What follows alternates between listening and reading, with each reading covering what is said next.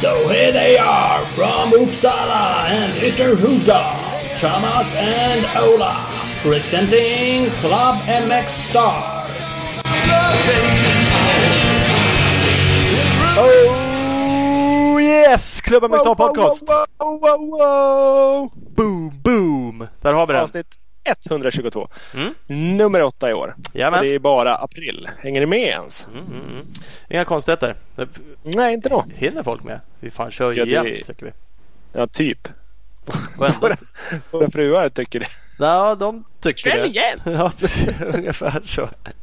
Eh, och ändå så hör folk av sig och vill ha mer och längre. Helt otroligt. Ja, och längre och tätare och oftare. Och jag förstår inte. Men det är vi glada Men för. det är väl så. Det är väl så. Jag Ja, vill- vi har väl hittat en nisch där vi gör något vettigt, pratar skit som folk orkar lyssna på. Ja, tydligen. Eh, överlag är vi glada när ni hör av er om allt möjligt. Ris och ros, uh, brevfrågor. eh, ja, ni får höra av er om vad ni vill. Kommentera. Och, Mm. Dunka på. Man kan eh, gå in på www.printmotor.com mxstar och köpa en Klubb MXstar-tröja. Det blir vi sjukt glada för. Mm. Vi skulle kunna ha någon tävling i sommar på någon eh, så Battle Vikings eller i Stångebro. Den första som har en sån tröja på sig kommer få bli surprise gäst i podden eller någonting. Få en starköl och en käftsmäll och få vara med i podden. Starköl och en örfil, klart! Nej, det här ska vi jobba för. Det här kommer bli ett koncept. Jag lovar. Ja, det kommer bli det. ska lösa någonting. En vack- en vacker dag Man får ta- antingen en ör, örfil eller en starköl. Ja, det kan man få välja faktiskt. Det är. Se om, om någon smyger fram och visar tröjan lite finkänsligt eller, eller hur fan folk jobbar. Det är oroväckande om de vill ha en örfil. Kommer någon stor jävel fram och då lär det bli bärs direkt. Ja, faktiskt. En vacker dag ska vi kanske ta fram eh, ännu mer merch. Eller på något Ja, annat sätt. det ska. Det, bör vi göra. Det säger vi ibland för oss själva. Att fan, det ska vi ta tag i. Och sen så, eh, ja men sen är det det där livet som snurrar på som vanligt. Så att, eh, Mm, vi, vi tar små steg ibland men stora steg tillbaks. Men men. Faktiskt. Nå, några som inte tog så jävla små steg i helgen. Det var ju en av våra samarbetspartners. precis. Husqvarna. Mm. Som bara klöp in en vinst totalt i MX1 MX1-klassen. Helgens SM genom Filip Bengtsson. Och vinst även i MX2-klassen genom Pontus Jönsson. Ja, Det är inte ett skit. www.husqvarna-motorcycles.com eller Husqvarna Motorcycles Scandinavia på Instagram. mm, det gjorde de bra. Eh, några som gör bra saker hela tiden är också Speedstore. Butiken i Valbo utanför Gävle som har allt du behöver för din enduro och crosshoj. Där kan du kickstarta våren nu med 20% rabatt på alla kläder, skydd och stövlar från Scott, FXR, CD, Garnet och Alpine Star. Eh, Så kolla in eh, speedstore.nu och följ dem på Instagram på speed-store. Det, det är ju som en riktig jävla käftsmäll på hela, hela starten där. Mhm. Big Balls MX. Solen skiner för fullt här och i Växjö och överallt. Så att eh, Big Balls MX-butiken är ju fullkittad. Man åker dit, tar ett snack med alltid supertrevliga Emilio, Emil och Janne Jannis. Janne Jannis är för övrigt i Grekland men han är snart hemma igen. Butiken är som sagt fullsmetad med Fox-prylars bland annat. Kläder, skydd, hjälmar, stövlar, ja, the works. Så www.bigballsmx.com eller Instagram bigballsmx. Han är så jävla mycket grek. Han är ju alltid i Grekland. Ja, faktiskt. Det börjar bli tjatigt. Jag tycker inte om det. Vi får aldrig åka med längre.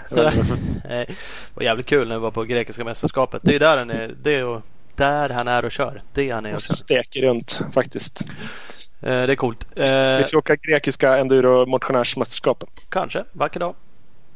Man vet aldrig. man vet inte. Vi har också Speed Equipment med oss. Klart bästa crossenduro-butiken i Västsverige. Eh, här hade vi sist eh, de eh, tre första som knallade in i butiken. Mm. Fick 25% rabatt på klädkit. Ja, men jag tror vi kan då bara chansar vi som fan och klappa in med tre. Jag tror vi, ska vi köra en den här gången då? Ja, vi, vi kör en till helt enkelt. Så Ja, det gör det tycker jag. Ja men absolut. Den första som går in i butiken och hälsar från klubben Mugstar har 25% på ett klädkit från Answer eller Fox. Ja. Eh, Så kolla in speedequipment.se kan ni kolla vart butiken ligger i Västsverige. Eh, Och så följer ni dem på Facebook på Speed Equipment. Precis. Sen är man ju hemma. Sen är man hemma. 25% boom! Och Yes! så taggar ni in oss i något fett jävla inlägg på Instagram där ni har nya kläder på er. Mhm, Det ska man göra. Bling, bling, bling, bling. Eh, vi ska strax prata med Patrik Andersson. Mm, mera motocrossig. Bra. Och långt avsnitt som vanligt. Fan gillar snackan. Mm. Men då kör vi ju SM-rapport. Saxtorp. Vi, vi trycker på rec och går och tömmer tvättmaskinen lite grejer bara. Så fan mos undan där. Hej, fan, jag hann ju måla hela uterummet här. Men det är jävla smutt. Koppla in nya infravärmare och hela skit. Ja, det är klart det. Perfekt. Nej men det ser. Vi, vi har också en brevfråga. Den kommer absolut sist i avsnittet. Så att, eh, slå inte av. Lyssna på den. Mm, Eh, pass på. Går vi igenom. Kom med, kom med reflektioner. Mm.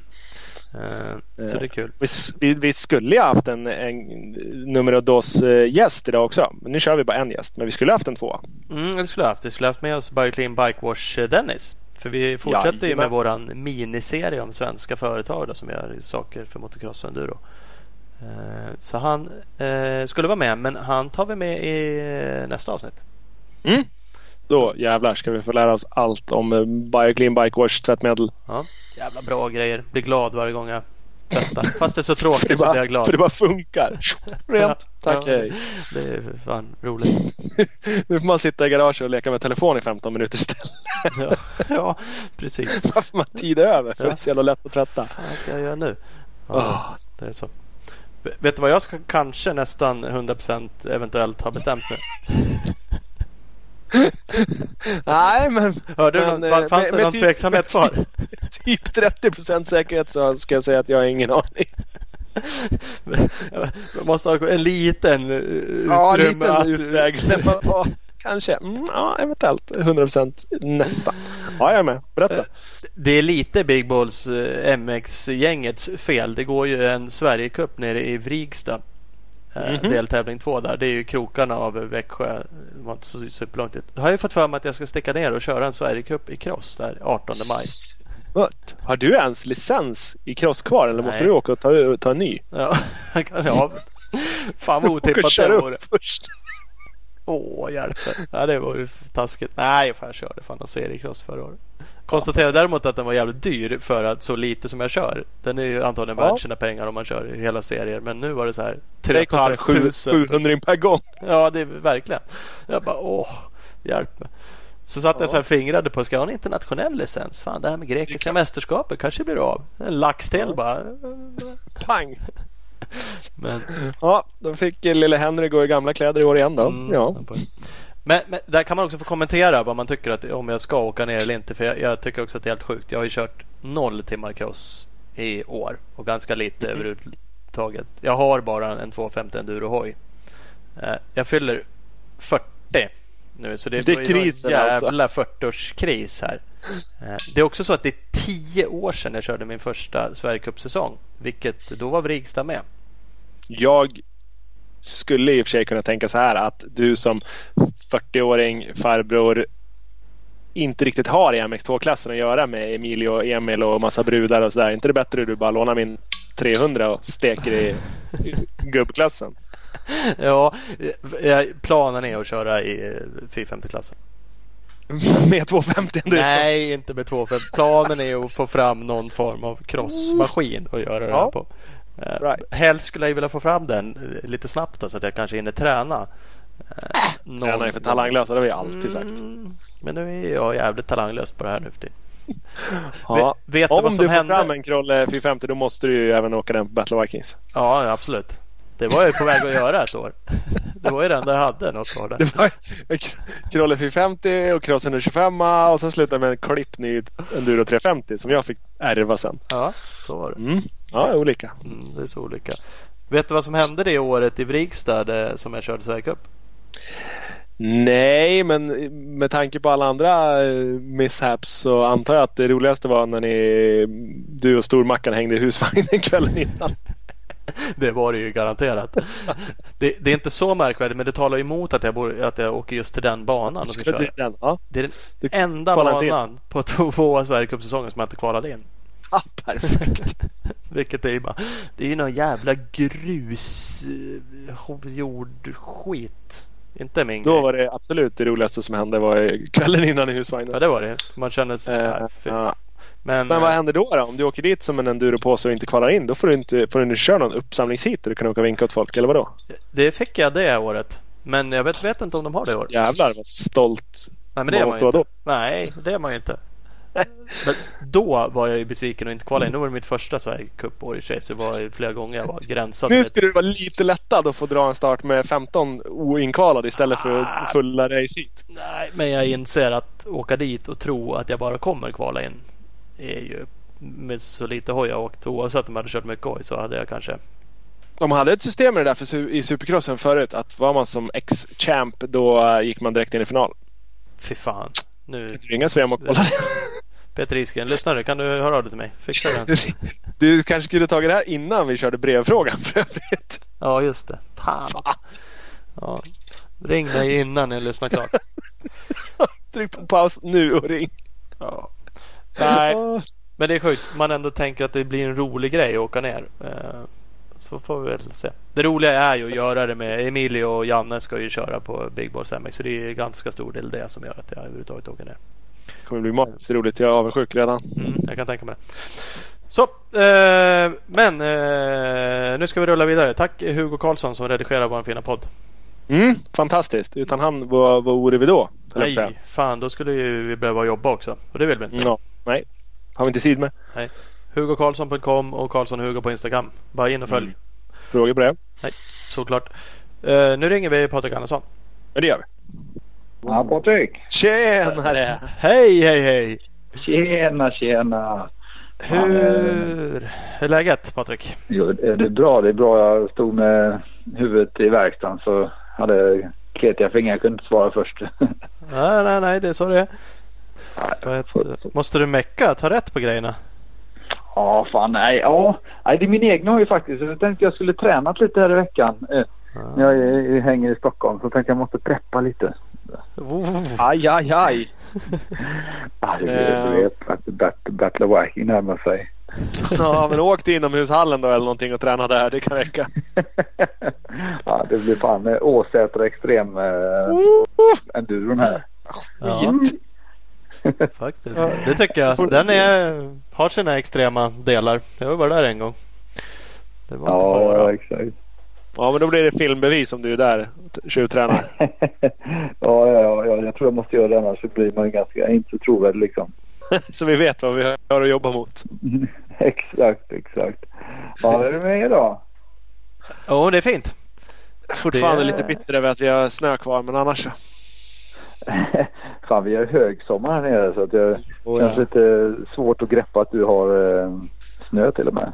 Mm, ja, det är så. Det är så. Mm. Ja, Jag hittade ju faktiskt också snö i helgen när vi var ute. Jag var ju i och för sig i Sandviken så det är lite mer norrut. Men det syns ju Ja. ingen snö. Men så kom man ut i skogen på en endurosläng. Jag bara fan så fint det är. Jag bara körde upp för någon backe och så bara, bara i helvete. Värsta jävla snöspåren där i något skuggparti. Shit alltså. Ja, det var... Ja, det, det är helt overkligt. Nej, det vill man inte ha nu. Nu räcker det. Nu det våren och fan, på tal om vår så var det ju verkligen högsommar i helgen när det var SM-premiären i Saxtorp. Ja precis. Vi tänkte ju ha med dig här nu för att eh, göra en redogörelse. Vi som inte är på plats. Det verkar som att avskaffa vår. Det är ju bara vinter och sen blir det sommar på en gång. Ja, ja, nej men det, det är samma som förut. Och faktum att de hade jätteproblem med Saxtorp för grundvattnet var ju en meter lägre än vad det skulle vara. Så att det var eldningsförbud och kaos i hela crossdepån för man fick inte grilla och ja, ni kan ju förstå innebörden av 300 förare som inte får grilla liksom. Ja, en påsk också. Då är det ju panik. Ja, de hade varit schyssta satt ut sex stycken kolgrillar på startrakan på 65-banan. Så där var det ju längre kö än till ljudmätningen. Ja. går med dit först och lägger på två flintastekar bara. Så. Nu ska de här ligga ett tag grabbar. Ni kan gå lugna. ja, precis. Bara, har ni mer kol eller? Ja, ja jösses. Jaha, det var så pass. Det var... eh, Ja. Men banan då? Jag fick någon eh, kort redogörelse av Filip Bengtsson. Lördagen torr och snabb. Söndagen var manlig. Mm. De eh, hade inte vattnat den speciellt mycket på grund av ett bevattningsförbud. Kan inte stamma. Eller kan inte prata. Eh, förbud. Eh, så de vattnade inte mycket mer än lite grann på fredagskvällen. Så det var torr och otroligt snabb på lördagen.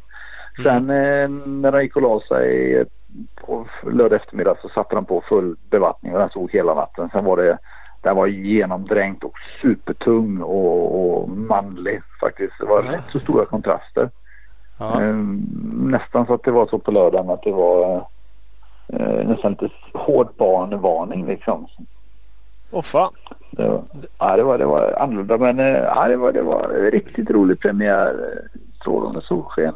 Eh, var ju mycket spänning i luften eh, tycker jag framförallt i MX1-klassen då som fick sig en rejäl upphöjning eh, av att eh, Yamaha-teamet eh, kom dit med hela sitt eh, gäng i MX1. Så både Gole, Brylakov och eh, Strivos eh, kom dit och sen då toppade KTM med Sirvonen som bara för ett och ett halvt år sedan vann 251 hit om inte jag minns fel. Eh, tillsammans, eh, tillsammans med Filip Bang som var i strålande form på sin Husqvarna 350 och ville ju verkligen visa att han eh, kunde åka fort i sanden. Ja. Och det, det gjorde han ju får man nog säga. Han vann ju Ja. alla tre hit Filip. Eh, Ja, ganska, var- jag tänkte säga överlägset men det, det första hade han ju Bryljakov Mm. i, i ryggen där. Precis eh, så här efteråt så kanske man kan fundera på om han gjorde, slog av lite väl mycket och vänta innan tänkte jag säga men samtidigt så är de där racingkillarna, de vill ju aldrig ha någon riktigt så nära så att jag vet inte riktigt vad man ska säga om det hittills om han hade sån järnkoll så det inte behövdes mer men eh, samtidigt kom ju ryssen starkt. Ryssen åkte ju bra de andra hit med på söndagen men var ju hjälplöst efter och eh, var ju i kull ihop med, med min grabb i, i första hitet på söndagen där när han låg 7-8 tror jag. Så gick, gick de i, ihop. Jag tror räkmackan fick smaka på att eh, MXGP-killarna inte viker ner sig. Smäller det bara. Ja, det bara small och så låg de bägge två. Så att, eh, men, ja, man kan väl se det från två sidor. Han borde förstått att det där går inte. Men eh, ja, nej fan. Det, det blev ju bra racing tack vare det. Om man får vara lite stereotyp liksom ryss och Mm. MXGP-kille. Han skulle helt enkelt bara förbi och fram då, med andra ord. Ja, precis. Släpp förbi han bara liksom. Det, det är bara onödigt att ut. Hålla, håll ut. Så att, eh, men eh, han bjöd på lite show, lite uppkörningar och kanske, jag hade kanske inte förväntat mig att han skulle ändå vara så pass stark i sanden men eh, trodde nog att Gole skulle utmana mer än vad han skulle göra.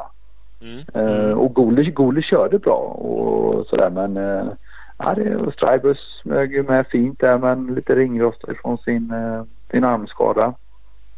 Och är det Som, det som den han drog på sig i USA här på för säsongen eller i vinter? his- ja, historien är så att det är en gammal, gammal skada som han har opererat och, och fixat till. Eh, Ja. Så, så det var ingen skada han gjorde nu i vinter här utan eh, det är en gammal skada från eh, egentligen fjolåret eller året innan som han äntligen fick rätta till då. Så det var väl en liten service, en sån tusenmila MXGP serviceoperation Ja, ja, som ja. eh, borde varit gjort tidigare eh, men inte blev av. Så till slut gjorde han den då. Ble, hade han tänkt skita i det då eller var- varför? Det känns som att Han- han... Planen var ändå han- att åka hela VM och nu har jag missat. Ja, nej jag, jag tror att eh, han, eh, det där skulle lägga sig men så vart det någon infektion så att jag tror att det blev att de fick öppna och skrapa bort infekterat eh, område och eh, snygga till det helt enkelt. Så, att Mm. de, de hade nog inte tänkt göra det egentligen men sen vart det lite akut ändå. Mm. Eh, och jag tror att det var inte ens tanke att åka SM egentligen förrän egentligen, jag tror i tisdags bestämde de sig. Mm. All om right. att de skulle köra, köra SM. Även om, han väl kört två gånger innan så att det är klart att han, han var ju väldigt ringrostig. Det var han ju. Men ändå är hans lägsta nivå så hög så att han cruisade ju runt där med en hand på styret och, och hängde med rätt så bra faktiskt. Ja, var han, fem, han körde inte sista. Han var femma. Vad var det i det andra då? Mm, men det var något sånt där femma, fy... Jag tyckte att han var med bra där också. Sex eller sjua, 16 poäng. Eh, femma, sexa. Ja, 17 får man inte. Så femma, sexa då. Ja, ja exakt. Det är. Ja, och man ser att han har bra grundfart i grejerna. Så det, Mm. ja, men lite mer racing. eh, Visst han är ju i, verkligen en sann kille men jag, tror inte det går att räkna bort en sån gammal VM-förare på någon av banorna som vi kommer till. Om han tycker att det här är roligt liksom. Men, Så är det eh, nog. Absolut. Men sam- samtidigt så, eh, jag menar Filip Bengtsson helt fantastisk. Alltså, när, när VM-killarna ser ut som nybörjare i sanden så vet man att han är en duktig sandåkare. Det, är, det är ju fröjd att se. Han är otroligt coolt på, på sin 350 också då. Ja, det är jag frågade faktiskt om det där för i ja. första hitet så uh, var ju Bryliakov 1,1 sekunder mm. efter. Ja, det, uh, det, det, finns ju ett samma, eller de släppte lite highlights som kom ut. Vi har ut den på vår Facebook också nu precis. Mm -hmm. så ser man hur jävla glad Filip i slutet av det klippet är. Jävla nöjda när jag vinner av första hitet. det är härligt att se. Men han sa till mig då att det var mycket varvningar i slutet och de mm. hade gulflaggat. var i alla fall hans upplevelse. Ja. Genom den här Wave dubbelsektionen istället för blåflaggan. Så han ja. rullar ju hela den sektionen. Och då tog okay. väl Bryljakov in mycket tid då. Så att, eh, det gjorde han. Så det kan ju stämma. Och det, det, man såg ju tyvärr inte ända dit bort. För det är ju en väldigt avlång bana. Mm. Men äh, det var det. Nej, han är grym. Så grymt då. Om, äh, nej, han, han blir ju svårslagen även på en jordbana. Han har ju självförtroende och kör bra. Eh, men, men eh, ja, näst, nästa gång så är det ju verkligen en, en golebana om man får säga så då. Så, så då kanske det blir eh, lite tajtare i alla fall. Ja, och kanske ännu mer en Bryljakov-bana än, än vad ja. Landskrona är. Ja, ja, verkligen, verkligen. Så det är, och nu, alltså det är ju verkligen en färgklick när, när Gevär-Johan har, har tagit hit de här killarna. Och jag tycker det är fantastiskt det han gör. Eh, tillsammans med Sirvonen så, och Håkan vad heter han, Mindrobe från, från Norge. Mm. Så var det, det var ju mycket liksom utländsk flavor om vi nu får säga så i, i, i klassen. Mm. Um, så att man märkte verkligen att MX1 har fått en rejäl uppsnäppning. Mm. Det är kul. Nu läste jag, det var nog på Svemos hemsida, mm. jag tror det var Hagren som skrev det att eh, Miro Sivonen där, att han kraschade och gjorde illa sig. Typ bröt armen tror jag stod där. Jaha, ja men han försvann i sista heatet. Precis, han nollade sista. Det. det stämmer. Han försvann över tunnelhoppet bort där. Det stämmer. Åh oh, fan, det var tråkigt. Så, att, eh. så det, det, jag har bara läst det som snabbast så jag vet inte om det stämmer 100%. Men försvann ja. gjorde han i det heatet i alla fall. Men det är trist om han ja. är skadad. Nu vet jag inte ja. om det var klart att han skulle köra hela. I och för sig. Ja, men, eh, ja, så. ja. Nej, nej, nej. Det, det var jag, när du säger på det så uh, nu, nu, tänk, nu ser jag det så att säga. Mm. Eller framför mig hur gulflaggen uh, öds på där. Det, det, fan vad tråkigt. Mm. Uh, annars då? Var någon med? Vi, jag och Ola pratade lite innan. Rasmus Sjöberg. Du är lite Honda teamchef igen. Så han ingår väl i ditt team då? Jajamensan. Jo, men jag är lite back in business. Uh, med Honda-teamet. Jag har tänkt ta mig ett litet teamfritt år egentligen och bara fokusera på Mackan. Men eh, det gick ju gick två bra. dagar så, så, ringde Honda liksom. Du, du, du back in business. Du får ta hand om teamet. Vad fan? Eh, jag tänkte, ja, jo alltså det. Men samtidigt så är det ganska lättsamt team för mig då när, när det är Rasmus Sjöberg som är en kille som jag har till och från sponsrat i, sedan 85 tänkte jag säga. Men, eh, mm. eh, och Rasmus Andersson som är en av killarna och Natalie Kane som är tjejen i teamet som jag också har en relation med via Frida som jag sponsrade många år så det var ganska lätt jobbat team för mig att, och jag hade själv all, allt material och utrustning. Liksom, så det, så det, det, det, tyckte jag var väldigt kul och det är roligt att, uh, att man har en gammal relation till en gammal arbetsgivare Eh, Eh, som eh, trots att man inte har jobbat där på ett par år så, så kommer de ihåg en och, och det blir naturligt för dem att fråga ändå när man, när man blir ledig lite igen då. Så det, det, det känns eh, lite kul och, och det är alltid folk eh, tycker det verkar att det var väldigt, väldigt många som kom fram och tyckte det kul att det Honda-teamet var tillbaks och jag fick många klapp på axeln som kul, kämpa på, roligt att se dig i en röd tröja igen. ja, men så, och det är väl alltid roligt, alltså, även i i Sverige att det finns ja, men, officiellt. Sen vilken nivå det är ja, bakom liksom. Men att det ändå ställs upp lite grann. Det är förare i varje klass. Jag kan ju tycka att det ja. det vill man ju ha liksom. Sen om det är en butik som ja. driver det lite officiellt eller om det är du eller om det, det, det kanske inte spelar så stor roll. Eh, nej, nej, nej. Men känslan nej, nej. av det.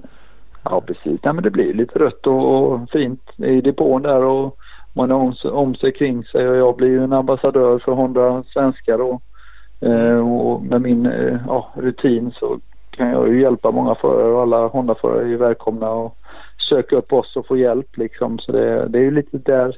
Det är kanske inte bara för att skryta att vi finns i depån utan att hjälpa Honda-förarna och det, det är kanske det som Honda har saknat sen jag själv egentligen klev av för några år sedan. Um, så har det varit väldigt tomt. Ingen har funnits där och ställt upp för dem. Men, men nu, nu kan de ju söka upp mig igen och vi har lite reservdelar med oss. Och vi har mappdatorer. Vi kan ställa om lite hojar och köra ihop sig så kan vi, vi byta en koppling åt någon i helgen. Och, så det, det, det, det är lite så som, som, vi, som vi vill fungera liksom. Ja. Det kanske, det kanske blir ett lyft för Honda överlag för det är ju inte skitmycket röda bikar ute och åker. Nej, Nej det, det är alldeles för lite. Det gör ju ont i hjärtat liksom när man ser det.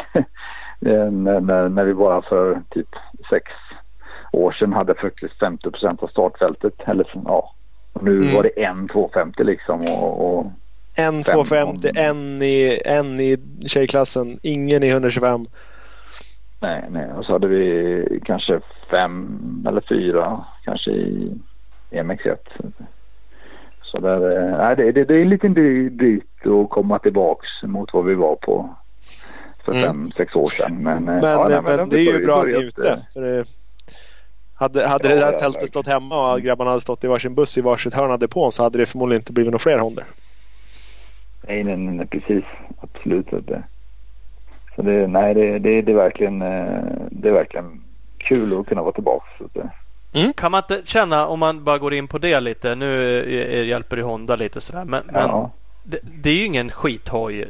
Om man tar 250 Nej. där det var en som körde. Det känns ju som att den har Mm. fått bra. Jag eh, körde den för några år sedan. Med den. Den Du har ju fan varit dragig på den ju. Ja men den gick ju Skrev bra du som en dålig recension? Nej men jag vet inte. Men, men det hänger det inte ihop med då att, att man inte är ute med teamet och inte har varit där några år? Att det ändå går lite hand i hand. Marknadsföring och liksom hur mycket man pushar, vilka förare som man supportar, resultaten görs. Och, Jo, jo det, det, är ju, det är ju nästan eh, 90 procent av sanningen. Liksom. Går har ju bara okej, okej så ska jag väl säga, säga att med rätt uppbackning, rätt återsäljare, en, en, en tanke från återförsäljaren ända ner till användaren. Att han känner att, att här finns ett samröre, jag är en del av någonting, jag kan få hjälp om det strular, det finns teknisk support.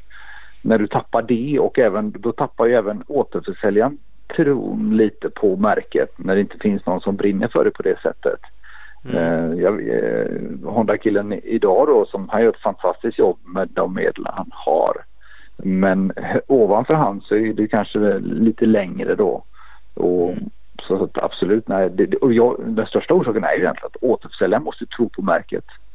Mm. Och det får han ju när han känner återförsäljaren får uppbackning hela tiden liksom. I alla lägen och att slutkunden kan an, eh, själv vända sig mot teamet eller eh, den kontaktpersonen och jag var ju alltid extremt nåbar eh, åt alla Honda-förare runt om i Sverige. Liksom, att man kunde alltid ringa mig dygnet runt när som helst. Man fick alltid hjälp. Man fick rätt svar liksom. Och det är klart att det, det, det hinner väl i katten och, och sen har de andra märkena framförallt och KTM Husqvarna skapat den hypen själv att kunden vill ha motorcykeln.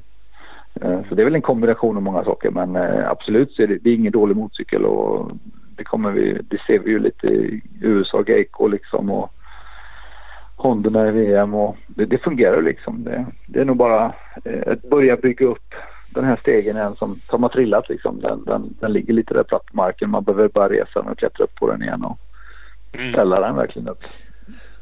Det var, det var 10 hojar i MX2-klassen av 42. Det var 10 som inte var KTM eller Husqvarna. Ja, ja, det är helt otroligt. Så att, eh, Sju, sju jammer, två cover och en Honda. Så det är Ja. ju... Ja, det, det finns att jobba med. Ja, verkligen, verkligen. Och, och vi- sen har vi Suzuki då som kanske är ännu mindre. Jag vet inte liksom vem som hade de någon i någon klass tänkte jag säga. Mm, nej, ingen i...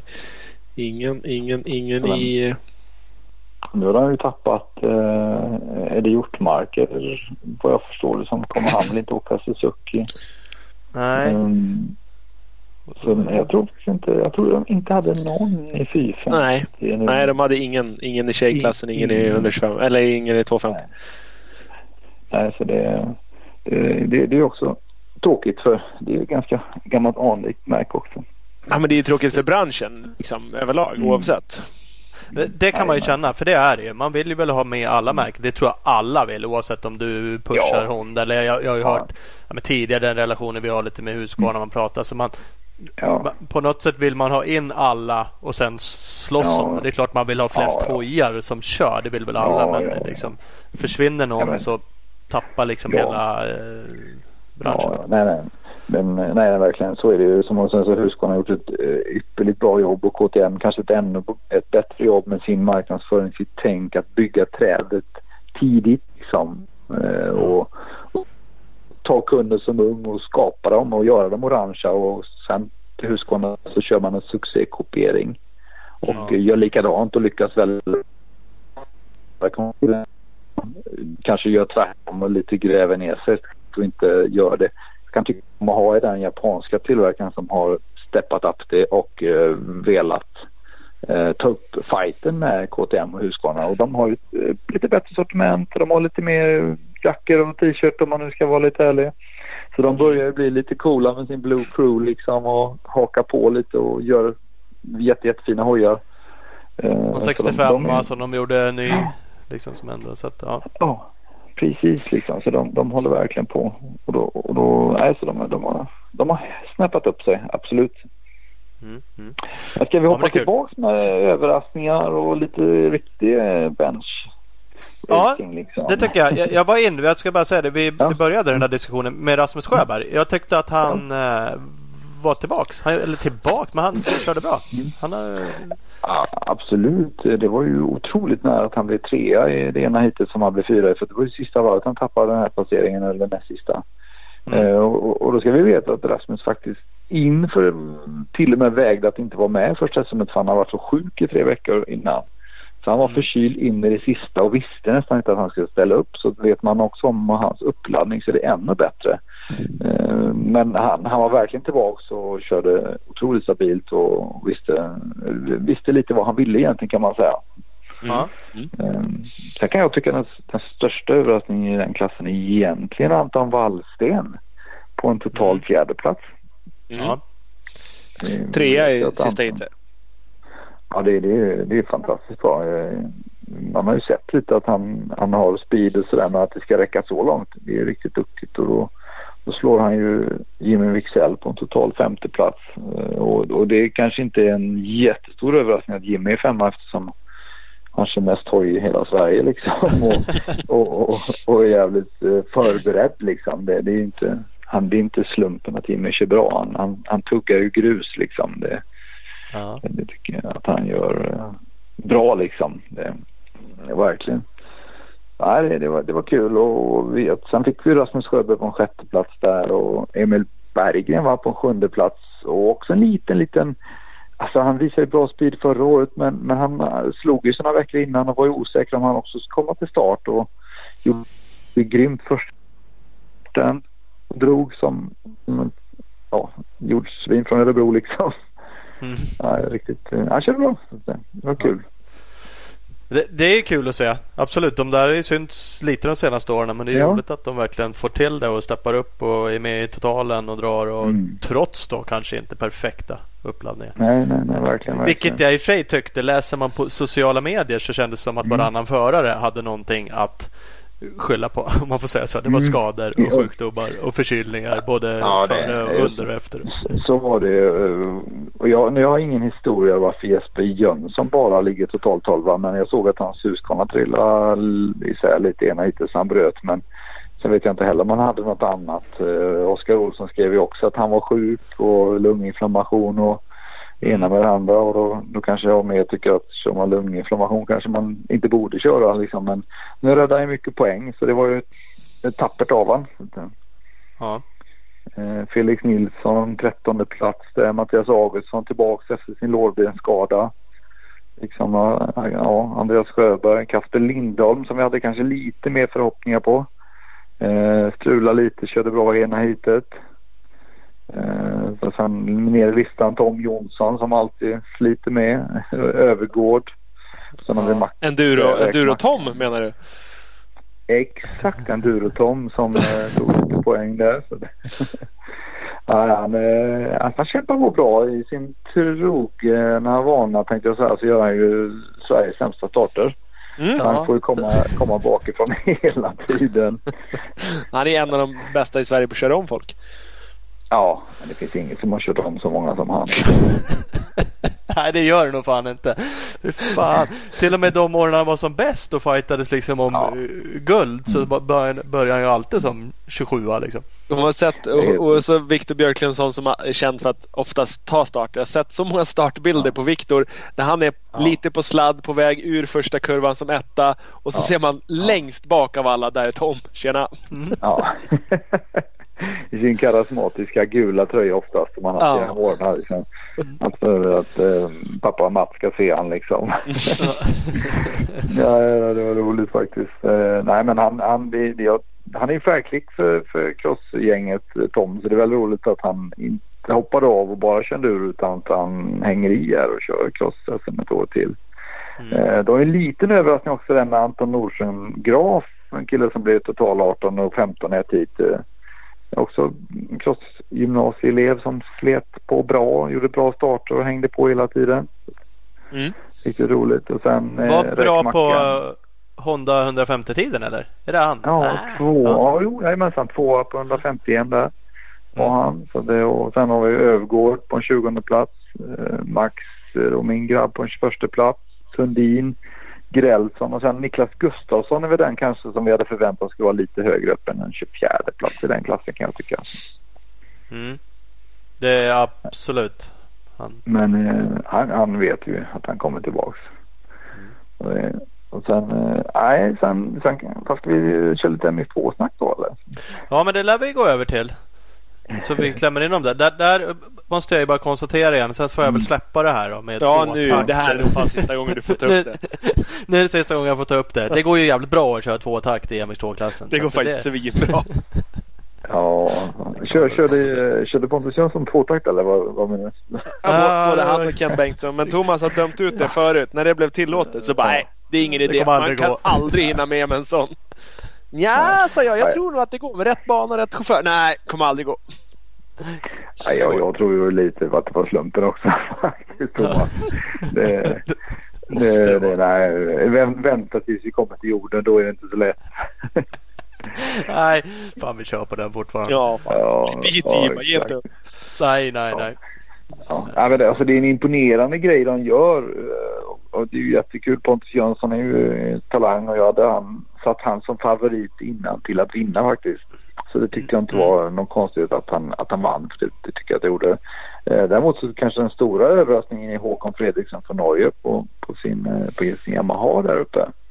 Att han syr Eh, ihop det. Han har ju haft såna här race eller liksom Mm. visat att han kan nog fan åka rätt fort om han vill. Men, Ja. men att han gör tre bra hit är ju nytt. Mm. Och, han, och han kom ju faktiskt bakifrån. Han var ju aldrig riktigt med som 3-4 direkt utan han var ju 10-12 någonstans kan man säga.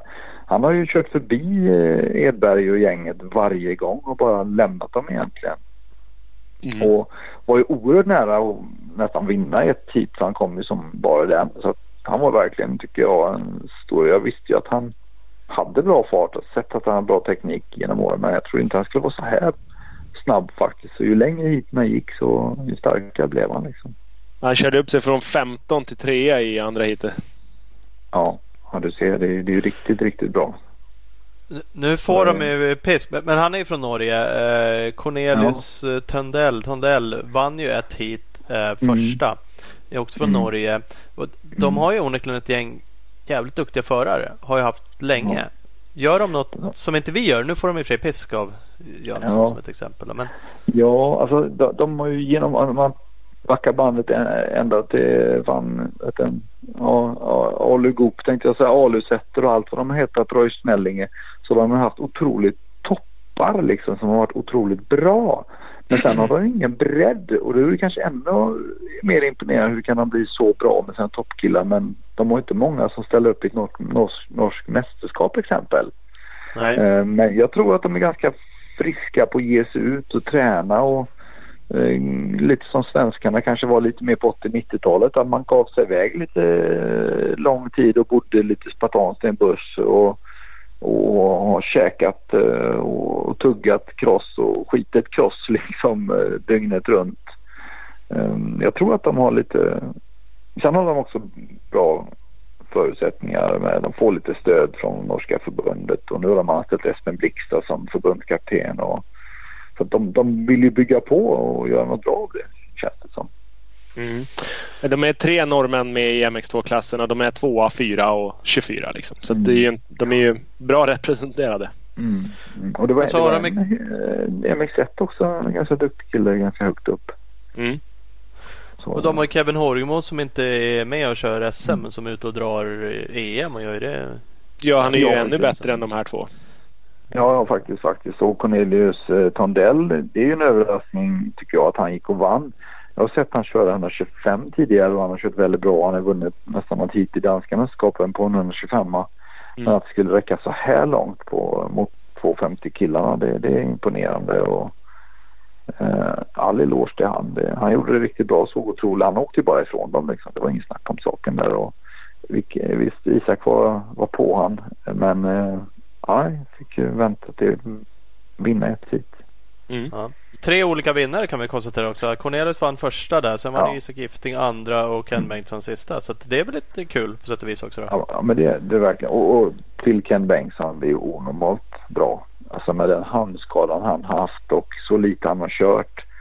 Eh, och gå och kliva fram och vinna liksom. Det, det visar ju en jäkla anammat och en, en vilja eh, från, från eh, Ken Bengtsson som jag, jag trodde aldrig med en sån handskada att han skulle orka hålla i liksom. hans, eh, hans timräknare på träningshojen stod väl på ja, strax över två timmar. ja, exakt. Men han har ju ridit lite ponny här har jag sett på Instagram så det är kanske är det. Jag vet inte om Isak och de här kommer börja rida häst nu i veckan eller vad som. Ja, ja.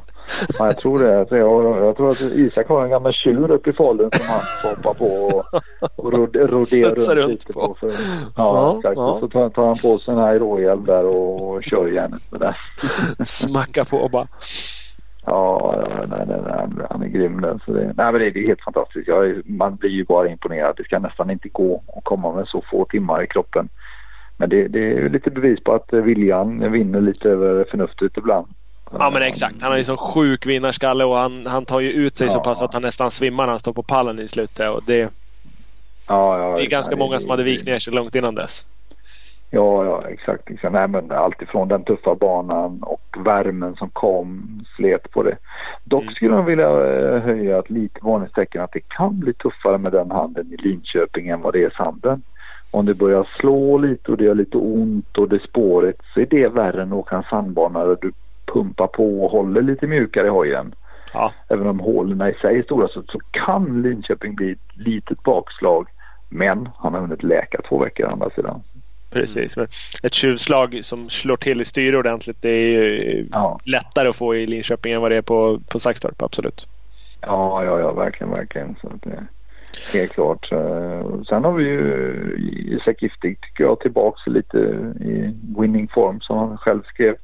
Och han visar verkligen att han hör hemma där uppe. Men sen hade han mycket strul med vurper och körde fort ändå liksom.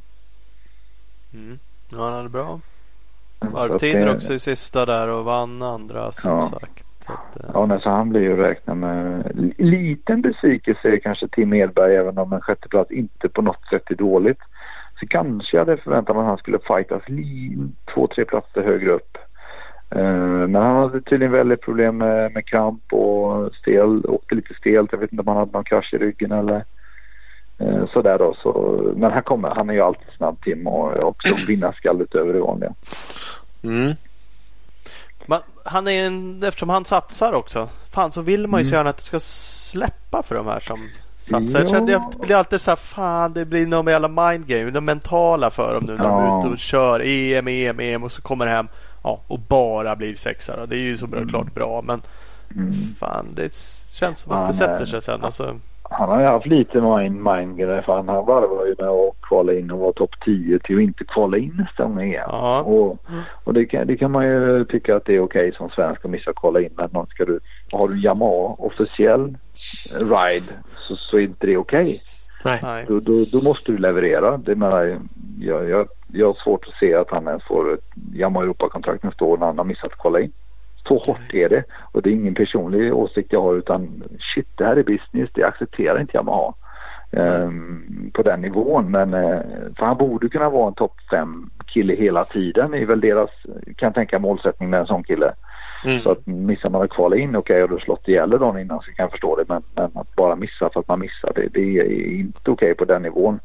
Sen är ju killen ung och har flera år att komma tillbaka och göra det grymt. Men det, det, han skulle behöva leverera lite mer. I EM säger jag nu då, i SM så är det vad det är liksom. Det, jag tror att han blir absolut farlig och, och när det är lite jordbanor han kan uh, åka lite mer avslappnat. Mm, men det är samtidigt svårt att även om man är ung att har man haft en chans och mm, lite tappat den så är det väldigt svårt att få en andra. Ja, gud alltså det är ju det är en, en hård otacksam sport på det sättet att du får knappt en andra chans. Nej. Um, och de letar ju liksom det, det ja nu, åh, nu var det 13 och sen bara nu tar vi han istället liksom. Det är mm, ja. vilken annan sport än här så uh, ger man ju många uh, mer chanser än vad vi gör här. Um, så att han, han absolut, sen, sen är han ju egentligen också en riktig sandåkare. Så han är extremt duktig på sand så uh, kanske just därför har man kanske förväntat sig lite till av honom här. Och han går på crossgymnasiet och de åker den här sandhålan alla dagar i veckan och där är han ju liksom onödigt snabb. Så. Men, men alla kan ha dåliga dagar och han hade väl inte sin bästa dag även om en, en, en eh, sjätteplats absolut inte dåligt på något sätt. Nej, han är fyra, femma, sexa i heaterna mm. och blir ja. sexa totalt. Det visar ju också att det är jävligt hård klass liksom. Ja, ja, helt klart. helt klart. Och sen, sen har vi ju slitvargen Albin Gerhardsson på sjunde plats totalt. Mm. Också en fjärde plats som bäst. Ja, exakt. Han är en riktigt vältränad tuffing som eh, åker på eh, mycket råkondition och vilja. Um, en kämpe liksom. Har varit lite, lite anonym. Eh, kanske inte blixtrade till någon gång men slet till sig bra resultat till slut.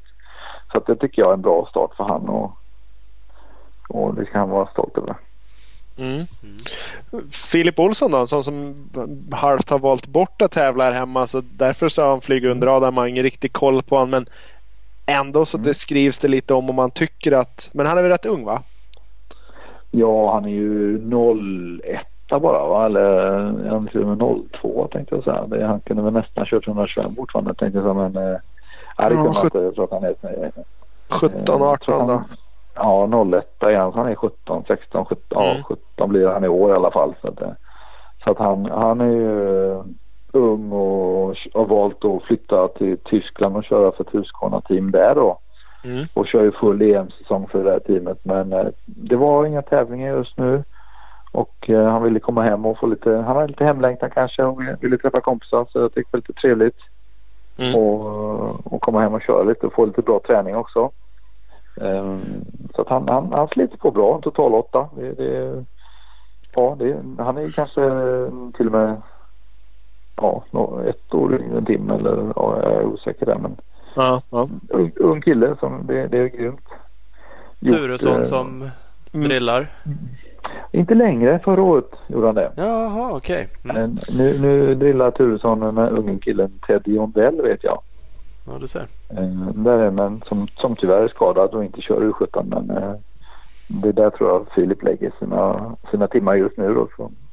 Okay. Mm. Ja, det kan vara så att han hjälper Filip Olsson lite grann också men inte på heltid som han gjorde förra året. Nej.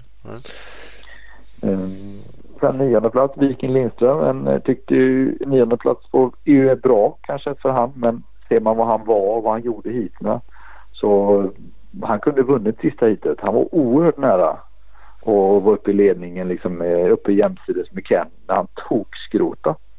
Um, in, in, innan Ken gick om. Uh, jag kommer inte ihåg vem det var som förra men han körde jättebra. Men vurpade lite hiterna. Uh, gjorde bra startar, var ut som 3-4 och drog där. Hängde med hur bra som helst. Och strax var sista hitet var han uppe och stötte på, på ledningen.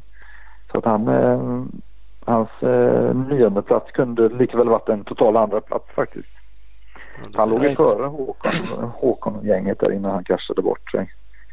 Um, och, och, tillsammans med Rasmus Håkansson som skar sin hoj sista varvet i sista ytet så tror jag att de låg typ tvåa, trea när det var ett eller två varv kvar. och körde fantastiskt bra men vart ett tokras för Rasmus Håkansson eh, sista varvet så att det var, det var jag tror att han låg två eller tre, två, han låg före Håkan Fredriksson när, när hojen gick sönder sista varvet. All right. Ja. Ja, han låg trea enligt Lapcharter. Pontus var ja, tvåa och Ken hade precis gått upp ledning. Ja, Men gick det verkligen att höra vad spiken sa då när Viking Lindström låg så pass högt upp? Nej, det, det, var bara, det var bara ett ljud hela tiden. Och, och sen så skar ljudet och så tror jag att han satt på knä och grät lite. Uh, och sen fick han ut sig Skill Fanatics ett par gånger harklande. Och sen så kom han på att det var han av. Nej. Nej, skämt åsido. De, de är ju extra polare de där två. Så han, han var väldigt glad för Vikings skull. Och eftersom Viking också var skadad faktiskt ganska allvarligt här i, från sin Spanien-krasch för, för inte alls länge sedan så är det ju faktiskt beundransvärt att han har kommit tillbaka och kört så bra som han har gjort. Mm. Mm. Han, eh, det, det, de sa ju egentligen till att du kör inte hoj på 8-10 veckor och det är väl inte mer än typ 9 veckor sedan han kraschade eller något sånt där. All right. Men eh, de läker ju fort pojkarna som tur. Ja, de gör det. De där unga. Men det är roligt att det finns fler än vad man ser i resultatlistorna. Där vi som sagt hade ja. tre olika vinnare. Och uppenbarligen fanns det fler som var där och högg på, på vinsten. Ja, verkligen. Och vi har även eh, Danny Karlsson och Hampus Karle som var tvåa och fyra i första heatet som sen efter det inte fick något mer resultat. Nej, Danne Karlssons rygg gav väl upp här igen då, som han haft tidigare problem med och eh, körde bra och var uppe och stötte på eh, han som vann hit på lördagen. Men sen då så gick han ju i väggen med sin rygg på, på söndagen och fick bryta första hitet. Kom inte till start på andra hitet. Så det verkar ju vara eh, lite återkommande problem för honom och, och det, det är synd om man för eh, det blir svårt att vinna SM nu när han har nollat två hit. Absolut. Eh, han var ju favorit enligt eh, ikonen Jonas Hagen också. Mm. Eh, och det, det, det, ja, det var en kille som kunde tagit det steget. Men eh, ja, stolpe ut. Och, och sen sagt var bakom Viking där totalen så, så var ju Rasmus Håkansson och, och tar man då, ja, hade, hade hans hoj inte vurpat och han hade varit eh, då, tre, tre fyra liter så hade han ju också haft en mycket bättre totalplacering. Mm, absolut, absolut. Apropå hoj som gick sönder på sista varvet. Var det inte så att Bryljakovs hoj gick på lunch också i sista heatet? Ja, han, eh, kopplingen, lamellerna brann upp så på sista varvet så att han inte ens kom i mål. Ja. Hur fan är det möjligt? Hur fan kan de slita så mycket koppling? Jag blir helt chockad över det där. Alltså grejen är ju också att man ser att Bol åker på samma hoj med samma koppling. Eh, Stribers åker på samma hoj med samma koppling och de får inte hålla. Så har du en ryss som hamrar eh, lameller jävlar med det sagt. Och de skickar ja. i nya lamellkit varenda gång han var ute på banan och ändå lyckas man inte få det att hålla ett hit. Men nej, man ser ju, han åker i luften, han spänner på den, han har inget spel, han, han bara spänner, spänner och så åker han som 125 juckande liksom genom kurvorna. Ja, men 450 den, i den sanden blir ju så Det är coolt. Alltså, det, ja, det, det, kan man säga faktiskt. Det men, ja, man är ju stark är... i alla fall när man löser det. Ja, ja, ja. det är verkligen mycket. Men äh, det är lite synd att han äh, körde sönder där och jag vet inte om han fick en placering i det hitet. Jo, han blev åtta för de varvar ju så jäkla ja. högt upp. Ja, så att, eh, därav, han bröt ju, eller kom inte mål på sista varvet som mm. jag förstod, men blev åtta ändå. Ja, just det, så att, uppenbarligen så, ja, han hade ju bara mm. tider strax under Filip där. Ja, han var stark. Mm. Bada bing, bada boom! Reklambreak. Vi har Opus Bilprovning med oss. Eh, vill du få full koll på husbilen eller husvagnen inför tävlingssäsongen? Hos Opus Bilprovning kan du göra fukttest, gasolkontroll för att se att allting är tipptopp. Kolla in opusbilprovning.se. Jajamän.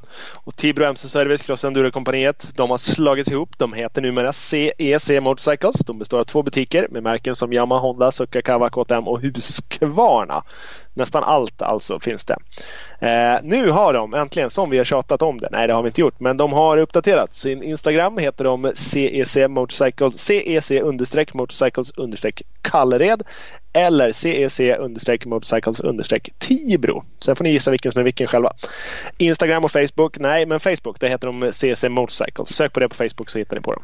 Lycka till! Bra. Det var nära att de samlade ihop det till något superenkelt. Ja, det var Men, eh, nära. men Men, eh, ja, lite ska man få jobba. Ja, lite ska man få jobba. CC Motorcycles kan man ju söka på. Då kommer man Ja. till de olika som finns. Eh, enkelt. Skott har vi med oss också. Är du enduropåse och ska ut i skogen och dra på lång tur. Då ska du Det kolla in. man. Det, det borde alla göra. Det är ju Det alla var. Ja. Eh, Då kan man kolla in Scotts endurokläder. Eh, De har ju bra ventilerade byxor i rejälare material eh, med en liten ficka också. Kan man ha med sig luren kanske eller lite nödstålar för, så man kan tanka och ta sig hem. På en pizza. Faktiskt så ska jag bara flika in det mesta som jag har sett folk använda små fickor till i enduroskogen. Speciellt på mina hikes. Det är en fucking jävla snusdosa. Det kan man tydligen inte vara utan. Hej, där har du det. Fan, Där har du det. Ja. Den kan man ta med sig. Man kan också kolla in endurojackan. Den har ju också fickor. Men den är ju lite för varm. Och är den alldeles för varm Mm. då drar man ju av ärmarna på skott för den är avtagbara. Och tar, måste man ta av sig den helt då har man ju ändå fickan i byxorna. Så att, eh, Exakt. Allt. Snuset ska med. Snusen och stålarna och luren. Pizzapengarna. Pizzapengarna. Kolla in allting på skott-sports.se. Följ dem på Facebook på Skottsport Sverige. Nu kör vi vidare med gäst. Yes. Men, eh, Det är klart. nej, Ja. Och sen lite längre ner i fältet så har vi tvåtaktsåkarna igen. Jeff Buxelmark tycker jag slet på bra. Gjorde sitt bästa SM. Martin Holm körde otroligt bra. Var uppe och låg tvåa, trea. I något av heaten där körde jättebra. Eh, innan han, eh, jag vet inte om någonting hände eller om han tappade lite. Eh, ändå inte besvikelse men någon som vi hade förväntat oss mycket mer än MX2 det var ju Hampus Kale. Som Mm. lördagsheatet ledde lite men nollade om jag minns fel bägge söndagsheaterna. Ja, I stämmer. alla fall. Eh, och det, det är lite plumpt. för Han hade fart eh, att vara där uppe. Så att det är också en kille som körde bra men hade stolpe ut. Och jag vet inte om han slog sig lite på söndagen om det var det som spökade. Han kom inte många varv i något hit där. Okej, varvtider ser det ut som. Men uh. Mm. Albin Larsen då, han nollar ju tre. Ja, eh, där vet du, han Husky Bananen tänkte jag säga. Men han slirade upp kopplingen på lördagsheatet. Eh, gick lite i väggen första heatet på söndagen och tappade sadeln i tredje heatet. Uh. Så han, han hade lite mek. Han fick mecka bra hela helgen. Ja, härligt. Eh, sen, sen har vi ju Arvid Lunning, fjolårs 125-mästaren på 17 plats. Eh, slet på bra i sanden. Eh, ser man att klassen är tuff när, när fjolårsmästaren går in och om man nu får säga då bara är 17 det är inget dåligt resultat men ändå så ser man att klassen är tuff. Mm, absolut. Ja, vi sa det jag och Ola innan också. Jag satt också och tittade och kände igen lite av de här Mm. som har kört senaste åren. Så, som, ja, man inser att det inte bara att vara toppåkare i 125 och sen kliva upp och dominera MX2. Utan det, det är bra man kan- nivå där. Man kan se här på Viken Lindström att det har faktiskt tagit han ett, eh, något år till nu för att bli så mogen 250-förare som han som han, som han, eh, som han är nu då. Om man gör någon eh, hobbyanalys på det då? Är det fel att man kör 125 så länge? Man pratar liksom om att det är så bra instegsklass och det är liksom allt det. Eller tappar man av att nöta det för länge då? Eller är det Ja. bara att man inte är riktigt mogen? I gränsfall på att någon hade varit snabbare om någon klev upp tidigare. Det tror jag inte. Alltså tittar man på de sista storstjärnorna i världen så har inte de åkt 125. Roxen, Willow Pott och de här. De har ju aldrig åkt 125. De har blivit ganska bra. Ja, de, de, har inte öd, de har inte ödslat någon tid på 125 för om man nu ska vara lite elak. Eh, jag tror att vill du bli bäst blir du bäst. Oavsett vilken hoj du åker på. Mm. Um, det där är min inställning. Sen, sen vet jag att det är svårt att åka 125 att du får bra motorröra. Men, men eh, Roxen ville bli bäst. Han åkte 254 takt när han var 12 år på Lommel. De åkte dit i ur och skur i sex månader. Åkte 245 pass om dagen hela tiden. Fick stå där ute i regnet oavsett. Från han var liksom 12-13 år att gnugga in 250 för det är det du ska åka nu bra. Ehm, jag säger inte att han har gjort rätt och fel men, men det ligger lite i det kan jag tycka. Nu, nu får väl många 125 fanatiker på men jag säger så här och du har fel och han säger det och Gunnarsson tycker alla ska åka 125. Ja det, det tycker jag men, men eh, Willow Pott har aldrig åkt 125 säger jag då. Nej, Roxen behövde ju i stort sett två år i varje klass liksom. Han klev upp från 85 till 250. Eller för, när han klev upp, när han böt tävlingsklass. Ja, då, första året gick sådär, andra året vann han. Så böt han, Ja. första året gick sådär, andra året vann han. Så Ja. det, ja, nej, det är olika. Men eh, Thomas, hur, hur ledsen var du över att din idol Tom Söderström bara blev 25 och fick ett poäng? Ja, men Ja. vi, våran beef är ju så gammal nu så den finns ju inte längre. Men, men eh, Den har torkat en upp. beef? Har du, har du en beef alltså? nej, nej, jag vet inte. Men det, det är länge sedan i alla fall. Tompa har, men det- Sö- Söderström har aldrig varit gäst i podden heller i och för sig. Nej, det har han aldrig varit. Men Nej, nu, men han, sa, han sa faktiskt mig heller att han kommer aldrig ställa upp på podden. För att han har inte glömt vad Thomas har gjort mot honom. Det, det var, det var, det är nästan, han var nästan mer bitter än Tommy Engvall faktiskt. Han sa det. Typiskt. Fan också. Jag vet, ja, jag vet inte vad, vad, vad det är alltså. Nej, för- Ja, mm, där har vi något. Det är det där gamla aprilskämtet som lever kvar. Ja, det Om, måste om, vara det. om, om vi ändå ta- pratar om Tom Söderström så körde han faktiskt fort däremellan men det hände väldigt mycket. Ja, Ja, men det är väl lite ja. Tompa eh, livet igenom stilen, eller? Så, så är det faktiskt så. Jag kan nog säga lite så här, utan att vara elak att han har käkat mer pizza i vinter än förra vintern. Ja. Och, och det, är inte, det är inte en fördel i den klassen liksom. Så att uh, han skulle nog kunna ha tränat någon timme till. Men när det blir till jordbana och annat så kommer han vara grym ändå för han är en fantastisk förare. Absolut. Han har ju skills. Kollar man andra hitet där då hade han ju faktiskt okej varvtid. Han bröt sig efter fyra varv då. Ja, men ja, en ja. 57,6 tid och det var ju alltså en 57,7 blev man trea på. Håkan Mm. Fredriksson. Så att Fredriksson. Ja, ja, nej, nej, han körde skitfort. Och det... och ska, ska vi summera MX Women lite med eller? Ja men det måste vi göra. Tycker Jag jag. får glömma tjej, tjejklassen där. Och... Där- Där gjorde jag en Mm. liten tillbakablick och konstaterade att Kane eh, vann alla hit utom sista förra året. Då dominerade hon ju. Mm. 2017 fick hon pisk i premiären av Emily Dahl som hon faktiskt fick. Pisk är väl att Ja. ta i men eh, Emily Dahl vann ju totalt nu i helgen. Absolut och eh, man kan väl säga att Emily Dahl eh, var mycket, mycket mer vältränad och orkade mycket mer än Natalie Kane. I andra hitet där så hade Natalie Kane ingenting att säga till om och var helt, helt tom liksom. Så Emily åkte verkligen ifrån henne. Men i första hitet när Natalie var pigg då var hon betydligt eh, vassare och snabbare och åkte ifrån dem ganska enkelt. Men eh, har väl också drog sin axel ur led här i Italien på vårsäsongen och haft eh, ja, kanske inte har tränat jättemycket men hon är som racertjej som borde, jag tycker att hon borde vunnit bägge hit ändå men hon var helt slut, hon orkade inte sa hon. Eh, Det var tungan i jag- framdäcket för- efter tre varv typ exakt, liksom, hon var helt slut men, men kör ju fortast om man ska vara helt ärlig. Så när hon får åka lite till så kommer hon bli jättefarlig. Samtidigt som det är otroligt roligt att Emelie Dahl får vinna igen och eh, känna att jag, att jag hör hemma där uppe. Och hon har också haft mycket skador och, och, och mycket tråkigt. Sen tycker jag ju att det är kul att hon är en sån tjej som Sara Andersen är med. För hon åker ju otroligt snyggt hoj. Det, det, hon, hon tycker jag egentligen kanske har bäst teknik av dem alla och bra starter och är totalt tre här så att eh, körde verkligen bra. Så att, eh, Mm, hon var ju tvåa i båda hitten. Kane och Mm. Emelie var ju etta trea i ett varsitt där. Jajamensan. Jajamensan. Och, och, och sen eh, Sandra Karlsson släpp på var det Matilda Hurs. Eh, fortfarande på den 125 Så hon gör ju bra. Hon är totalt femma. Eh, nu blev jag sån tvåtaktsbitter igen här då men hade hon kört en fyrtakt hade hon kört två sekunder fortare på varv. Ja. Mm. men, eh, Och det trodde jag faktiskt att hon skulle gå upp till i år på eh, 250. Mm. Mm, tror, tror det, det har väl varit naturligt. Men eh, hon är ju skitduktig så att eh, hon kommer ju vara den här klassen länge och ju varje år hon mognar så blir hon ju bättre och bättre. Mm. Mm. Eh, sen, sen så rullade det på det med Daja Björklund och Thea Johansen och Kajsa Sicke och Amanda Bergqvist. Mm. Mm, Men sagt var, här, blir det mycket fight om de, de här topp 3-4 och sen tycker jag att det, det droppade av lite men, men det var bra fight.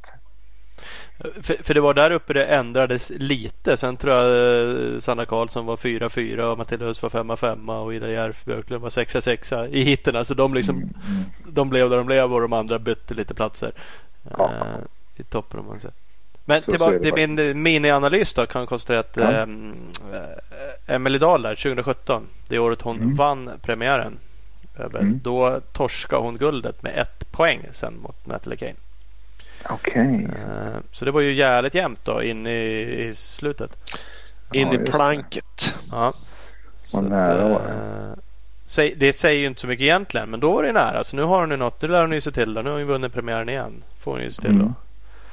För, om, för hennes skull. Om vi ska se det till hennes sida då, så lär ja. hon ju vilja fortsätta leverera.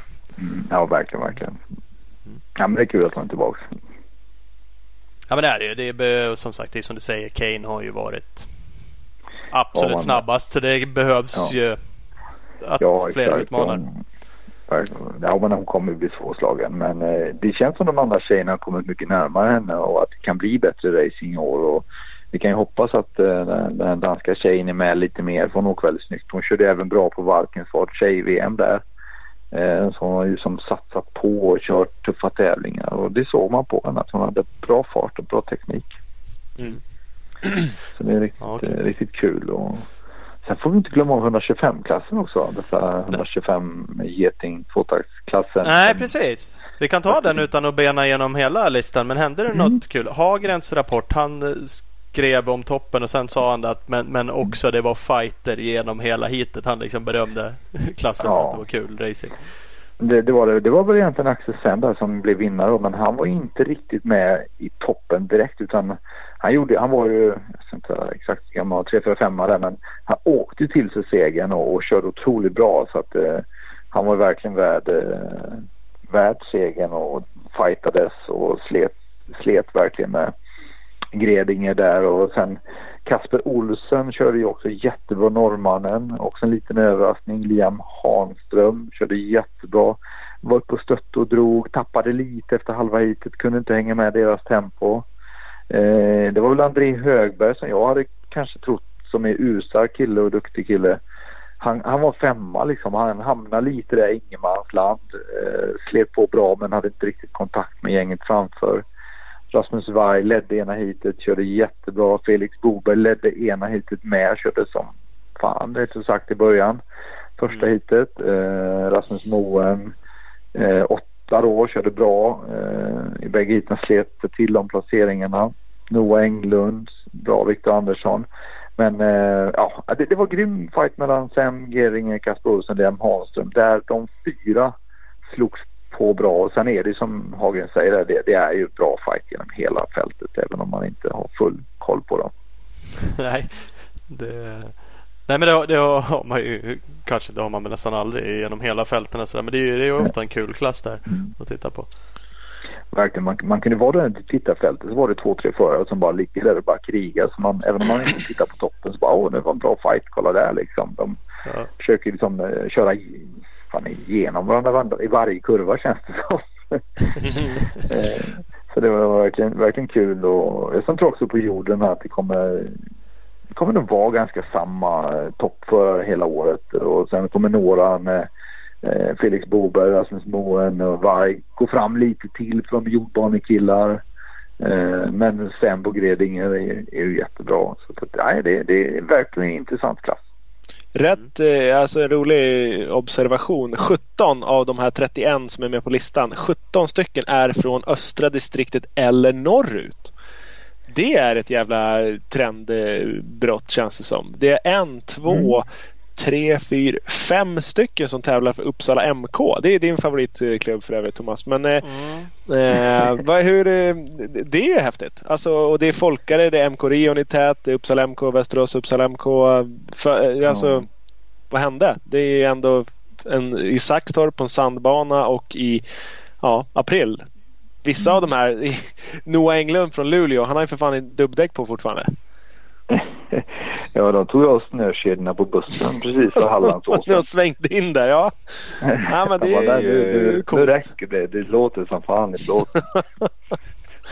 ja, nej men det är ju... Ja, intressant reflektion och jag vet inte om det här gänget har kört och tävlat mycket ihop i sitt distrikt och får med sig lite det här.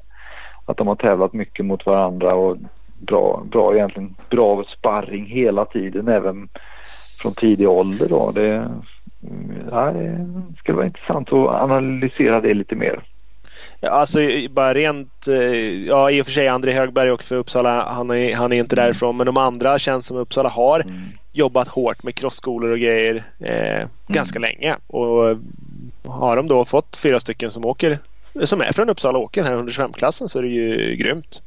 Det är den liksom st- största klubben i, eh, i, eh, i, i klassen plus att MK Rion har tre deltagare. Mm. MK Rion, ja, också Ja. utifrån Hallstavik. Jätteliten ort, jätteliten klubb. Ja, Nu, nu kommer jag få skit för det, men det skiter jag. Det, det är imponerande faktiskt. Och, och, Det är ju en gammal VM-bana. Ja, självklart. Men ändå. Du vet vet exakt vad jag pratar om Thomas. Ja, absolut. det är bara en sån sak liksom. Nej men Ja, det, det- det, är ju en kul analys. Var, ja, Ja. det, klart de är ju lite yngre de här. De kanske drar med Mm. varandra precis som eh, Patrik säger lite. För farsorna har Mm. hängt och det liksom blir en grej Mm. att åka runt. Och det är väl i sig bara positivt. Eh, Ja, 100 det, procent. komma ut och, och köra de här racerna det är väl att utvecklas som något. Liksom. Om man- Det är coolt. Vi har ju Ja, liksom ja. tänkt tänkt så här att bor man norr om Jönköping då kan man ju skita i cross för att det är ingen idé. Liksom. Men här är mer än halva startfältet från, ja, från Ja. Linköping och uppåt. Liksom. Det är, det är imponerande. Och då kan man fundera på vad, vad södra distriktet har börjat göra liksom, som egentligen har bäst träningsbanor av alla men ändå inte liksom får fram sina toppförare. Liksom. Är, det, är det så att de, deras 20 minuters pass på banan nere tar ut sin rätt? Mm, Att de kör för lite hoj och för korta pass eller om det bara är slumpen att de här generationerna har kört mycket ihop och tävlat mycket ihop. Och tittar man i MX2 så ser man kanske det mer västra förare under vissa perioder eller MX1 eh, runt Tibro-trakten kan det vara många. Det, det, det, det skulle man vilja ha, ha en eh, typ Lite statistik på. analys på. Fan Ola, det där är ju nu. Nu vill vi se en riktig jävla Excel-analys här med sådana här paj-diagram. Ja, precis, och precis. Grejer. Oh. hur, eh, sam, samma svar fast i rött. Ja. Hur, eh, hur många år tillbaks måste den gå då? Ja, tre, tre räcker. Tre veckor Sen de börjar med 125 U17. Ja, perfekt. Tack. Jag tar den. Nej, jag tror det får vara, får vara en recap här efter Linköping och så får Ola Mm, ta ja, den men då måste det vara någon- ja, får- exakt. Får han den 10 minuter på den. Mm, mm. Ja, Ja, det måste vi jobba igenom. Ja, vad coolt. Ja. Nej, men fan, då, har vi- då har vi hunnit peta igenom lite SM och tar man en annan, bara en analys från depån så ser vi ju att ja, Honda-teamet är tillbaks men många har team. Det är lite nerskalat mot vad det var innan. Eh, Det är inte lite, det är lika många trailers längre utan många kör, kör sina zip-up eh, tältbyar och det fungerar kan, väldigt bra på SM och kanske lite lagom på det sättet. Eh, Speedtool har väl ryckt upp sig lite och skaffat någon halvstor lastbil där men eh, snyggt och rent och Ola, ljud-Ola som vi säger, gjorde ett bra jobb. Eh, ritade upp sina rutor. Så all eloge till han. Eh, Lysande. Lysande. ja, det är bra. Inga andra? Ja. Nej, det har, jag har inte läst eller hört någonting. Inga gulflaggsskandaler eller uh, arga... Nej, det, det, det enda som var lite komiskt eh, var väl att förarna, alla hade sådana här brickor runt halsen eh, med kort då, men att för att komma in till bandepån där det skulle köras var tvungen, förarna var tvungna att ha det kortet på sig annars släppte funktionären inte in dem. Jag såg det på Straibos när han sparkade startspår där, att han hade någonting dingla Ja. runt halsen. Så det räcker, inte, också. det räcker inte med att komma ombytt liksom. Nej, nej, nej. Det kan vara en motionär i grannklubben som vill köra på SM-banan. Så det var väldigt viktigt att ha det här Smög kortet på in sig. här. Ja, så att eh, det vart ju kanske lite överdrivet kan jag tycka. Vem är den Men, där killen eh, på 41 startspår där ute? Nej, det vet han. Kom in som wildcard. Ja, fan det är ju Forsberg från Skivarp. Så han rullar ju ut här vet du, med sin. Stucka halvcross liksom. 500 125-klassen. Nej, det är lugnt. Låt han vara. Ja, ja det är det. Nej, men jag såg Nej, så faktiskt det det- där på Strybors. Jag tänkte också fan jävla pucko. Nu tror han att det är Nu tror han att det VM är här. ja. Nej, nej det, det var stenet. Typ Elix Rut fick ju ringa efter pappa liksom för att bli insläppt. Han är på fan missa hitet. Så liksom, ja, kortet ligger i bussen. Eller ja, jag vet inte om det var Erik Rut men det var någon där som Nej bara tyvärr du ska ha kortet för att komma in. Ja men du jag står här med hojen och eh, Mäcken har ju bandet och jag har ju tröjan, matchar ju tröjan Ja. klubb. Eller nej hämta kortet du kör inte utan kortet. Så, så får han det gå förbi ju- det sen får han. Glassigt om det skulle bli en skandal av en sån grej. Bara, jag missade hit Vadå då? Nej, han släppte inte in mitt bandepå. Man har ju hört talas om att hojar för sent i park var med men att, att föraren ja. inte blir insläppt för att han inte har Nej, rätt. På fullaste allvar, är inte det där dagisnivå? Jag tycker att SM är helt coolt. Det, det är snygga grejer, det är ja. vippband, det är, det är häftigt ja. att de här sakerna finns. Jag köper det. Jag köper ja. kanske att man kan ha det om man ska gå ut och mm. gå banan eller ska in i bandepån. Alltså, men, ja. men det där, vad fan, det blir ju... Vad är det för trams? De ställer ju ändå upp sig med nummer. Här är din mm. plats. Du ska stå på 15 och starta. Det är inte så att man kan rulla in med en 500 med nummer 37 liksom. Och, och gula bara... bakgrunder. Nej men vad fan liksom. Nej, men det, man trodde faktiskt inte det var sant om man ska vara helt ärlig. Det, var, det blev lite patetiskt och de stod på sig. Så är det. Det står i reglerna. Ja. Ja, jo, men hallå liksom. Det, det liksom får inte hända liksom. Det, ja. Ska de ta av sig den där sen när de väl är i weight zone då och ge till Mecken? Ja. Han ska släppa runt på det och inte ha bort det till nästa precis, race. Precis, precis så var det. Um, alltså det blir lite löjligt liksom. Men, men för övrigt får jag säga att de gjorde ett väldigt bra arrangemang. Uh, det var lite lång kö på ljudmätningen på fredagen. Väldigt många blev underkända. Fick komma tillbaks om och om igen där. Väldigt, det tog tid. Uh, aggressiv gasning från ljudkillen. Det var inte ljud-Ola. Så, det, så ja, det, det var väl ja, det var väl också nummer två då på min eh, kritiklista. Eh, ja. Eh, man, man, behöver inte hålla på varvstoppet i 4,5 sekunder. Då, då skjuter alla fyrtaktare och man får höga ljuddecibel liksom. Men de gjorde sitt jobb. Mm. Ja. Fair, fair Play-priset måste nästan gå till JE68 Racing Team i damklassen. För de hade tre deltagare. Kajsa Tjecke, Amanda Bergqvist och Tindra Johansson. Ja. Och alla fick 13 poäng. Hamnade på platsen efter varandra. Det är fan det är teamkörning. ja, det är skönt. Jo, ja, men de, de, de höll i handen och körde runt där liksom. Det är klart. ja, det är bra. Nej, det är bra. Ja, ja, det är spännande. Ja, det Ja, vad kul. Ja, det är roligt. Hörru, vi, vi ska strax runda men vi måste ju kolla mm. av med dig nu om uh, finns det något skvaller utanför SM-depån? Hur ser det ut med VM? USA? Har vi något hur, på gång? Hur långt ut i världen har våran uh, Battle Vikings utmaning gått? Liksom, hur mycket vet folk? Ja. Jo, men den är i USA, vår Battle Viking utmaning faktiskt. Oh, så den, eh, det, det, det ryktas om att Alan Brown ska komma hit eh, och köra. Mm -hmm. Eh, gammal testförare från eh, Dirt Rider och han är oerhört intresserad och vill vara med på den. Eh, så han kommer gladeligen att stå för hela kalaset själv och vill komma hit och köra lite hoj med oss. Den, den, har, den har spritt sig faktiskt. Den, Bra. den snackas eh, ganska eh, långt. Andrew Short, skulle, Andrew Short vill också köra den egentligen men får inte för sitt Rockstar Husqvarna-team. Ja, men vad eh, fan. Ja, nej, det är fasken. Men de kommer nog faktiskt däremot att kolla VM Uddevalla. Eh, en av dem i alla fall. All right. Men eh, så kan vara lite kul. Men, men snacket i, i VM just nu det är ju att Honda har lagt galet bud på Prado. När hans KTM-kontrakt ut. Det är väl det stora, stora snackisen i, i VM egentligen. Och om han har tagit eller inte det vet jag inte. Och vad han kommer göra. Men det är väl det som att han ska de ha till varje pris. Eh, de har glöm Hurlings. Han är redan körd. Det är han ju naturligtvis inte men det är lite så att allt, offra alla pengar på Prado och det är säkert inte det enda teamet som, som, som Tänker så. Nej. Tänk, tänker så då. Ehm, sen, är det redan till man... nästa säsong hans kontrakt? Eller vad, hur ser det ut där? Mm, nej, det, nej, jag är lite osäker faktiskt. Jag tror att det är till och med nästa år att de redan alltså budar på 21 på han. Ja. Mm. Eh, om det inte går att köpa loss honom från sista året då. Så jag ska låta det vara osagt men det när, inför hans kontraktsutgång och vilket år det vet, det vet jag faktiskt inte men eh, han är inte så gammal. Är han kvar i MX2? Han är, noll, också, han är 00 bara så han är 18 år. Han fyller 19 år. Ja, så han får, han får ju faktiskt åka. Men när du har försvarat en titel x antal gånger så hjälper det inte hur gammal du är. Då måste du ju ur klassen. Mm. Mm. Är, är det, sen är det väl stora snackisen att Jack Martens blir av med sitt Husqvarna-team. Ja, det är bara skramlar till. Ja, och, och, och då ser det ut som att han drar igång ett Succa-team istället. Ja. Um, så Suzuki Fabriksverk ska komma tillbaka till VM med Martens. Det är väl det stora snacket just nu. Och sen kan man säga frågan varför blir han av med teamet? Det, det, vet han inte själv. Han körde satte sig sprinten och åkte ner och knackade på hos Pippa men fick inget svar. Det bara är så. Vi vill inte jobba med dig. Det finns inga orsaker. Eh, men hans huvudsponsor har tillsammans med Jörgensen, Thomas Olssons coach, dratt igång ett eget Husqvarna VM-team där på något sätt. Så att jag tror att det är mer pengar till Thomas Olsen och Jörgensen och Neste.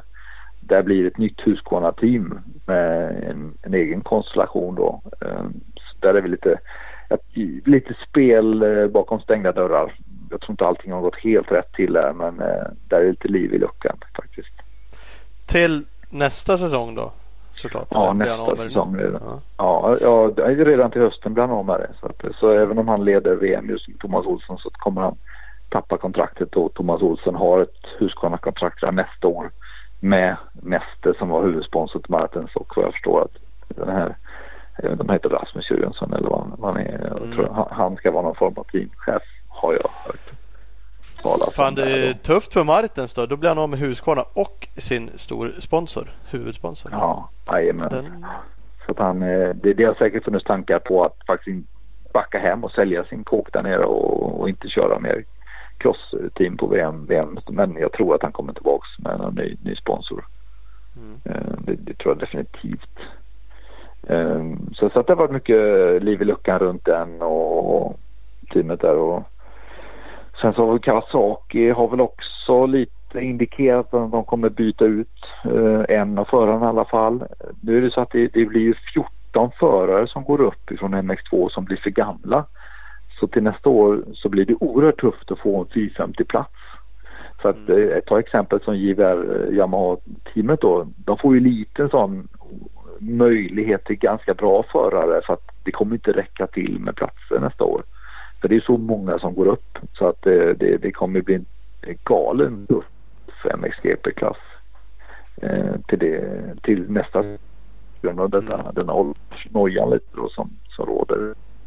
Så, eh, så det är spännande och i, i Honda-världen så har råkar ha det är den jag känner bäst till naturligtvis. De har förnyat med HSF Logistik. Eh, det betyder att de måste ta hand om vissa förare men den här Bogers kommer väl åka ut och ersättas med en ny 250 kille helt enkelt som kommer underifrån då. Ja. Um, där är väl, eh, och Yamaha kommer ju vad jag förstår det som behålla Fedre. Um, och sen så uh, har de Jeremy Sawyer men han kan hamna på en Honda vad jag förstår det som istället för Bogers. Um, sen har de ju Paul In på Yamaha Eh, Eh, med Vilvo där. Så det, det, är mycket runt omkring. Eh, där händer lite saker och i USA är väl den stora snackisen om Cool Sealy ska vara, vara kvar på Honda. Vem som kommer in där om det blir Savacci eller Cinzurello.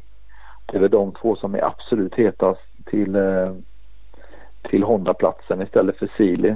Eh, men sen ryktas det också om att, att Tomac är på väg bort ifrån Kawasaki till Yamaha men det tror jag inte riktigt själv på. Eh, jag tror att han signar ett nytt långtidskontrakt med Kava och Cicerollo kommer upp där.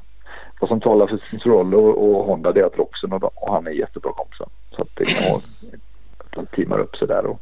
Mm. Var eh, Kavas, eh, var han eh, Mike Williamson, vad var han i Kava? Varför försvann han därifrån? Ja, Har du någon? chefsmekaniker för att han, han ville på sitt sätt ställa in eh, Tomax hoj och Tomax bara nej jag vill inte ha det så här liksom. Jag vill inte ha den långa svingen. Jag vill inte sänka motorn i ramen liksom.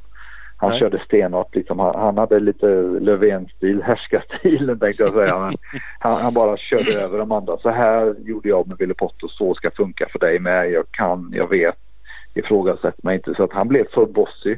Så det var Tomax som egentligen sa till att han eller jag ungefär liksom Mm. Så det var ganska enkelt att plocka bort eh, den killen eh, och ersätta honom med någon annan. Då. Och när han försvann så började det ju gå... Då blev det ju fart på kavan igen. Ja, helt plötsligt så är den nästan tillbaka till original. Mm. Och helt plötsligt så började Tomax triva på biken för de hade spårat ur lite med alla, alla konstiga grejer de höll på med. Mm. Och på tal om annans chefsmäck som också har slutat men inte fått sparken så är det ju Jason Hines på eh, Honda HRC USA också slutat så Williamsons motsvarighet på Honda har eh, slutat och det, det, har ju varit den kopplingen eller kopplingen, en av mina kopplingar Eh, han som jag har känt bäst det är ju Jason Hines. Han har slutat på Honda häromdagen också och började på eh, ja, någon sportbilstillverkare där som någonting. Eh, så att han har också hoppat av där och det är väl så att det är långa resor, det är många helger varje år som det tar, lite på dem helt enkelt. Mm. Så är det. Så är det. Sucka Jigari Yamaha, eller Suzuki menar jag. Hill har väl det är rätt hett om öronen, levererar ju ingenting. Har dock ett, kvar, ett år kvar på sitt kontrakt men det är inte ens säkert att han får fortsätta. Så där eh, ser det väl ut som eh, att försöker få in Dean Wilson till nästa år. Var det snack men nu gick han och skadade sig så då vet man inte hur intresserade de är liksom. Eh, vad gör ju... Hill? Käkar han hamburgare och spelar rock'n'roll-musik bara eller är han inte bättre eller vad fan? Han, han gjorde ju några inhopp på 450 var det förra, för, förra året och åkte ja, ju så ja. jävla fort. Ja precis. Nej, det finns ingen riktig orsak varför. Eh, de vet inte. Han är ofta supersnabb på träningen. Sen kommer en tävling liksom och så försvinner han bara. Mm. Men det är som du säger, han sitter mycket och lirar på sin gitarr och sjunger. Så att uh, han kanske inte gör det han skall helt enkelt. Nej. Den, ja, det, den, den är intressant den. Smart Top Honda har ju sin uppsättning. De fortsätter med Wins Freeze, Malcolm Smith, eller äh, Malcolm Smith, Malcolm Stewart kommer komma tillbaks där igen vad jag förstår det som. Mm. Eh, Bray, Brayton ett och kvar på sitt kontrakt så de har ju sitt gäng. Eh, Yamaha har ju Plessinger och, och Barcia där då men Barcias kontrakt går väl ut. Nej de har ett kvar så det är därför de snackade med Tomac det året därpå så var det. Så, att, så det är det snacket som har varit att men eh, ja, nej. Apropå eh, Jamma där. Uh, Cooper Webb. Att han var så jävla, om man nu får säga, kass på jamman och bara åker mm. så vansinnigt bra på KTM. Passar den bara inte honom? Ja. Eller vad, vet man något där? Varför fick han inte snurra han, han hade en nervskada i armbågen uppe i skulderbladet som besvärade han som han nästan inte sa till någon annan och höll väldigt tyst om det när han körde hemma. Och helt plötsligt så har de där grejerna eh, blivit bra. Han gjorde någon operation och snyggade till någon nerv. De rensade någon nerv på han. Och sen när han kunde börja träna igen i höstas så allting bara runnit på och, och vi har ju ny självförtroende och inte ont och ena med det andra så ett plus ett blir helt enkelt att säga. Så det, mm. ja, Liten chansning och skada sådär utan att liksom förklara sig. Folk eh, hade ju dömt ut han duktigt. För att han var ju, han var ju slut som artist. Ja, mm. verkligen. Men vad jag förstår det så var det oerhört nära att han gick till KTM redan året innan. Men att ja, okay. matchade han så det bara, de skulle vara kvar till varje pris. Um, men att någonstans så visste det kostar att nej men fan det här är en och om vi ger honom rätt förutsättningar så kommer han bli bra. Jag själv trodde inte han skulle bli så här bra. Nej. nej. Han har ju överlevererat får man väl lov att säga nästan. Ja, verkligen, verkligen. Och sen, sen har väl han Weston Pike där, som skadades illa rullat lite runt lite på en hoj men eh, tror att det blir svårt för honom att komma tillbaka. Han har jättesynproblem med dubbelseende och grejer. Så, för där gick ju okbenet sönder så ögat trillade ju ner liksom. Och mycket nerver är sönder på honom så han kommer aldrig få full eh, sikt igen. Så det är frågan är hur, hur bra blir det igen om du bara ser med ett öga liksom. Det, det blir tufft liksom att komma tillbaka till den nivån som du borde. Exakt, nej, det hörde jag också att hans ena jack där var rätt risigt. Ja, ja precis. Eh, nej, så, sen, nej, sen är det väl 250 som hoppar runt lite där men det kan vi väl återkoppla när vi har lite mer info på. på det. Ja precis. Vet man att nu sa du precis att det flyttas upp en jäkla massa förare från MX2 till ja. MXGP i VM. Det är inga jänkare mm. som är på tal. Ibland snackas det ändå lite om de där sån där som hintar lite att han vill åka VM. och Ja. Men inga... Han, skulle, nej, nu, nu, han har ju sagt att han vill det men nu när det går bra igen i USA så, så tror jag att han väljer att köra kvar några år i, i USA utan att bry sig om egentligen ja. någonting där. Pengar, men, pengarna rullar in igen så. Ja precis. Liksom, nu, nu tjänar han liksom 20 miljoner igen. Och det är galna pengar de har liksom. Det är helt sjukt. Jag, jag vet ju också en lön man, man baxnar Sen det kanske han är den bäst betalda också då i sig. Liksom... Vad har han då? Han, han, han, innan han går ur sängen så har han ungefär 6 miljoner dollar eh, per år från eh, Honda Fox. Eh, och allt vad det nu heter. Så det är ju 60 miljoner egentligen han, han innan han har gått ur sängen. Sen så har han ju 120, ja, sen har han 125, 135 000 dollar om han vinner en supercross-tävling. Vinner han ett kval hit så har han 45 000 dollar. Det är, det är 450 000 för ett kval hit. Och sen skulle han vinna en final då så är det ju ja, 135. Det är ju 1,3 miljoner för en kväll. Eh, plus kör han bra då i kvalhitet. Ja det, det är ju en och en halv, två miljoner så att han, han, han gör ju alltså 80-90 miljoner på ett år. Eh, ja. det, blir, det blir fan lite deg. Man har råd att köpa en handbyggd båt i trä då. Ja, det har man ju. Mm. Så är det ju. Så det är stora pengar. Men, men alla, alla tjänar inte de pengarna. Vi är ju Nej. sjukt överbetalda i USA om vi ska vara helt. Eller, eller inte men jämfört med han som kommer 11 i alla fall. Ja, alltså det är det som är sjukt. Det borde ju kunna vara allt topp 40 var, hade jävligt bra mm. betalt.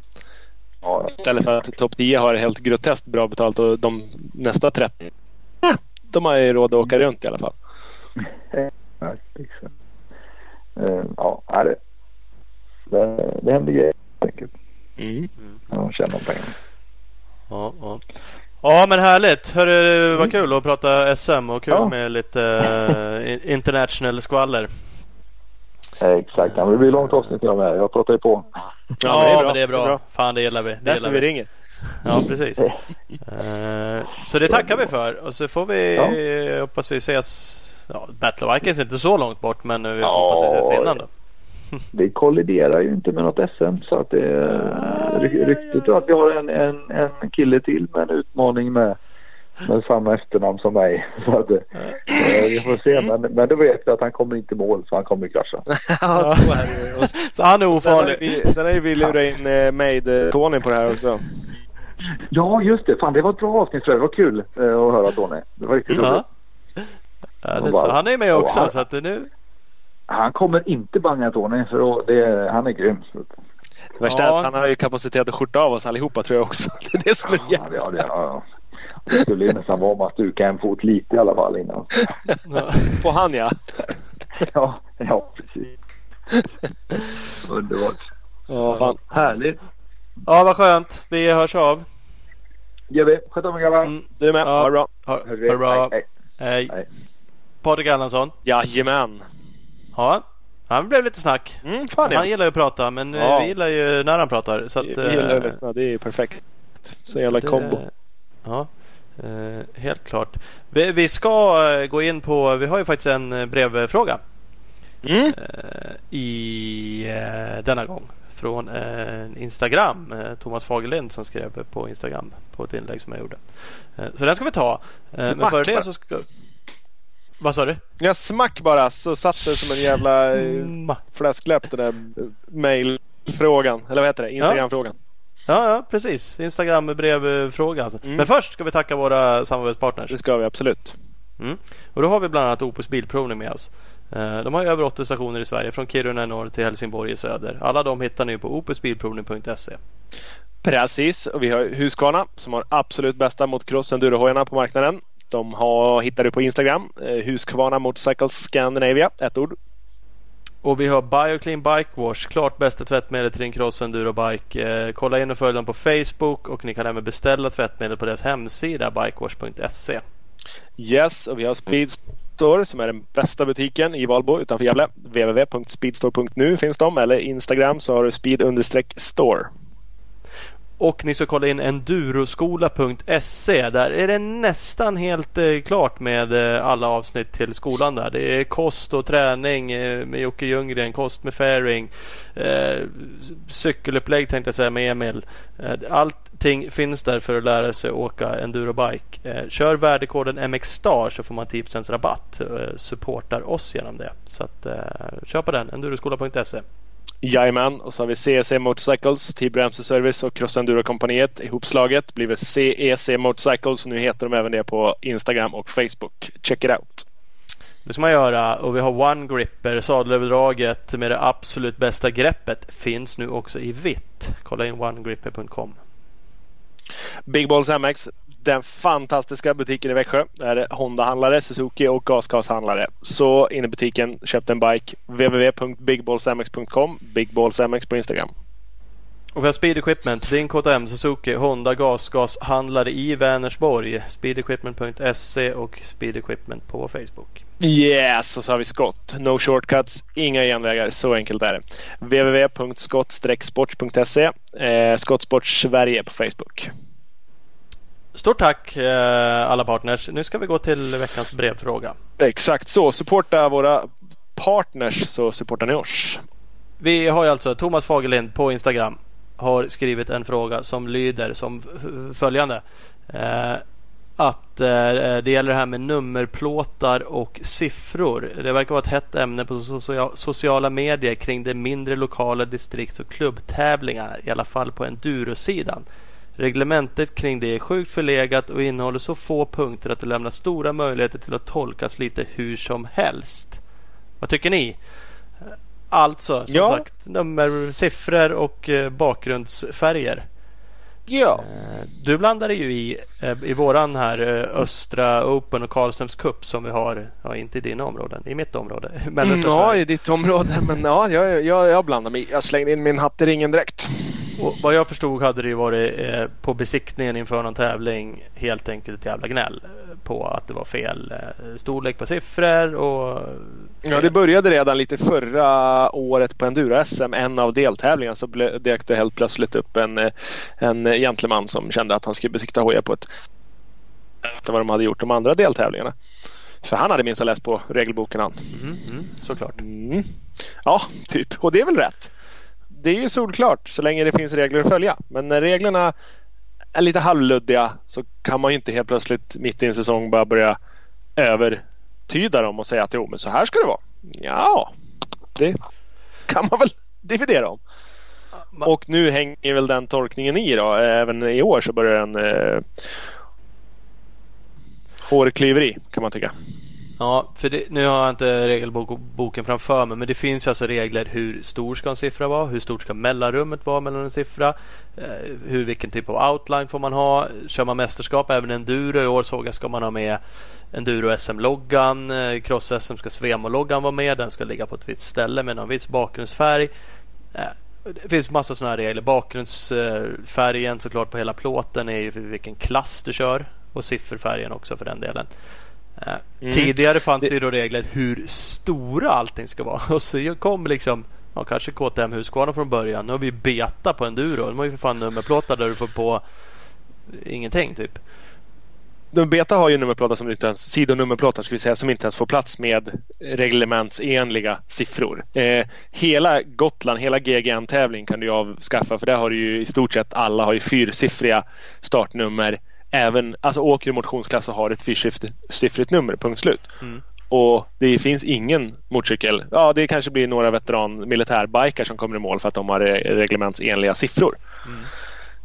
Mm. Eh, och bakgrundsfärg är väl det de har missat för det finns ingen det finns det ingen regel kring. Det finns inget på enduro, i enduro-reglementet så finns det ingen som säger att din bakgrundsfärg måste vara så här stor, måste gå så här långt runt siffrorna. Då var det någon som hade Ja, men den ska ju täcka hela nummerplåten. Ja, fast du äger en Husqvarna precis som jag och där börjar ju nummer, sidonummerplåten börjar ju vid ljuddämparen och slutar vid tanklocket. Ja, ska, ska allt det vara gult då?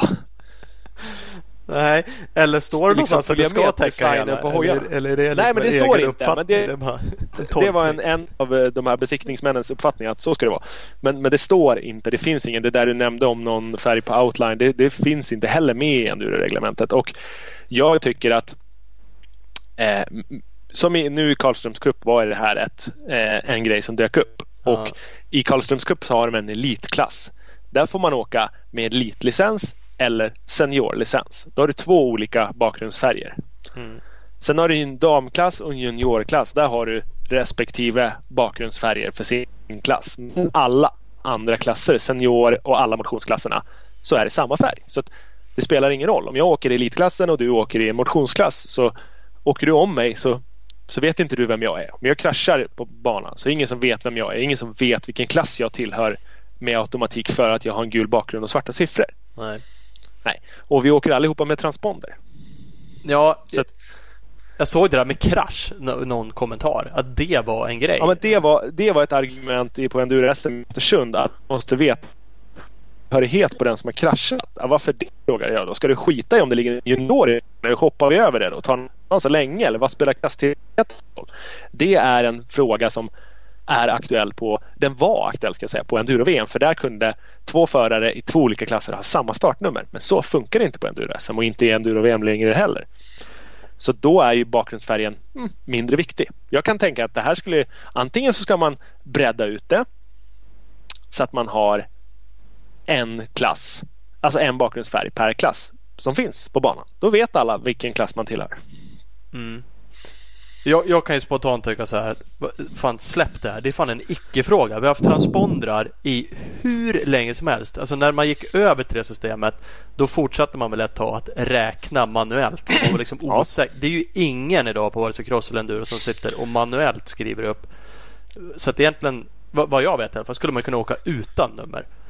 Ja, ja absolut. Jag skulle kunna tänka mig att även om någon röker snubbla transpondersystemet dog. Ja. Så ja, nej, så blir det inget mer den dagen. För jag, jag har väldigt svårt att tro att någon skulle gå ut med penna och papper och lösa det där. Och om det nu är någon som gör det och du inte får tider för du har lagt ner 1500 spänn på att köpa jävligt snygga siffror men de syns jävligt dåligt och det vet du om men de är jävligt snygga. Ja. Då tror inte jag att du är en av de som skulle bråka mest med att du inte fick ditt varv räknat för att dina snygga siffror inte syntes. Nej. Det är ju en gambling som du tar då. Ja. Ja. Det, alltså jag, jag, tycker också det. Och det, alltså det, det, kan finnas en publikaspekt i det här. Den skulle jag kunna köpa. Man gör program kanske, i alla fall SM, cross, SM enduro. Det skulle kunna finnas kanske en publikaspekt i vilken bakgrundsfärg man har. Om man då vet vilken klass det är. Så man kan hålla koll på. Men nu kommer juniorerna. Mm, Men absolut.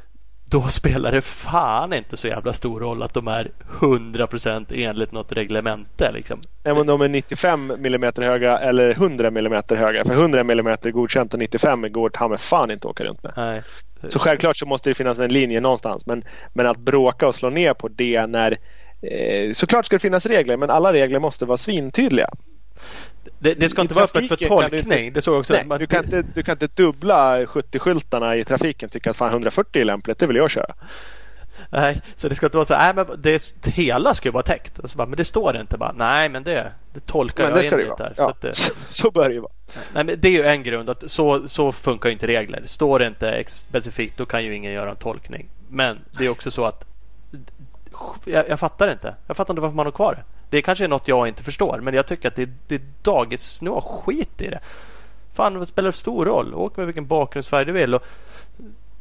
Ja, jag... ja, men det här, det, här slog, det här slogs ju upp på en Karlströms Cup också. Där jag kan lova att deltagarantalet är ja, jag vet inte ens hur många gånger större än publikantalet. Ja. Så att, att det skulle vara en fråga för dem också. Men då, då får man göra om antingen klassystemet eller bakgrundsfärgsystemet licenssystemet kanske till och med. I enduro-SM så är ju elitlicens enbart en i, i, i, vad jag, vad jag, I alla fall vad jag kan förstå så är det enbart en klubb för inbördes beundran. ja. Den bara utesluter folk från saker. Ja. Har du elitlicens så får du inte åka vissa andra tävlingar. Då får du inte åka en seniortävling i, i vissa eh, regler. Nej. Nej. Men är du senior men, för att åka men, elitklassen? är du senior för att åka elitklassen? Är du senior för att åka enduro-SM? Inga konstigheter. Och kommer man till Gotland då är det bara hej baberiba. Där gör man ju som man vill ändå. Ja, det är helt fritt. Typ. Där är det bara ja, kan du köra crosslicens i elit. Men du får ja, ja, men exakt. Ja, men på Karlströms Cup så har man en elitklass och det är inga konstigheter att åka med en seniorlicens där. Nej. Men man får inte åka med elitlicens i seniorklassen. Så den där röda plåtarna och vita siffrorna är ju Ja men det är ju dunk klapp i ryggen på de som har det. För att jag, ska man åka enduro-VM så tror jag inte heller att som Robban Forsell, han åkte han åkte enduro-VM i Enköping. Jag är nästan hundra på att han inte hade enduro-licens, alltså elitlicens i enduro innan dess. Ja, nej säkert nej. inte. Nej, så det, då, då, spelar inte det någon roll heller. Nej. Ja, vi, vi är nog ganska överens om. jag tror det till slut. Men nu kanske vi får svar från någon på Svemo som lyssnar. Ja men gärna det för det är säkert något vi inte förstår här som är super superviktigt. Och då kan man ju återigen tycka då att ja, upp till Svemo förbund eller distrikt eller vad det nu är. Förtydliga då. Varför? Ja. Reglerna är ju från 80-talet. Om, då, om nu då hojarna ser annorlunda ut nu ändå och det här behövs förtydligas för folk inte fattar. Utbilda inte bara besiktningsmännen och gå ut och slå ner på folks dekaler. Utan underrätta oss, undervisa oss, lära oss varför. Och ska man uppdatera, uppdatera inte bara med storleken. Fundera på varför skiten finns. För det kanske helt ja. enkelt är fullständigt meningslöst. Siffror ska du ha, men du får göra hur du vill. Sätt dit dem för att du har ändå en transponder som är... Ja men typ. För åker du utan transponder då, då får du skylla dig själv. Sen får jag hur tydliga siffror du vill. Det gjorde jag. Jag hade siffror. Jag fick fan inga resultat då. och rätt siffror också. Ja. Ett tag åkte man cross-VM utan nummerplåt. Alltså utan siffror på, på sidorna. Och det är ingen, jag tror inte ens det är liksom... Jag tror inte de har storlekskrav på sidoplåtarna i VM. Nej, de har ju inte det. Nej. Ja, nej. Trams ja. enligt mig. Så kan det vara. Så kan det vara. Hör av er om det också. Hör av er med fler brevfrågor. Nu ja. rundar vi. Det gör vi. Tack hej. Tack hej.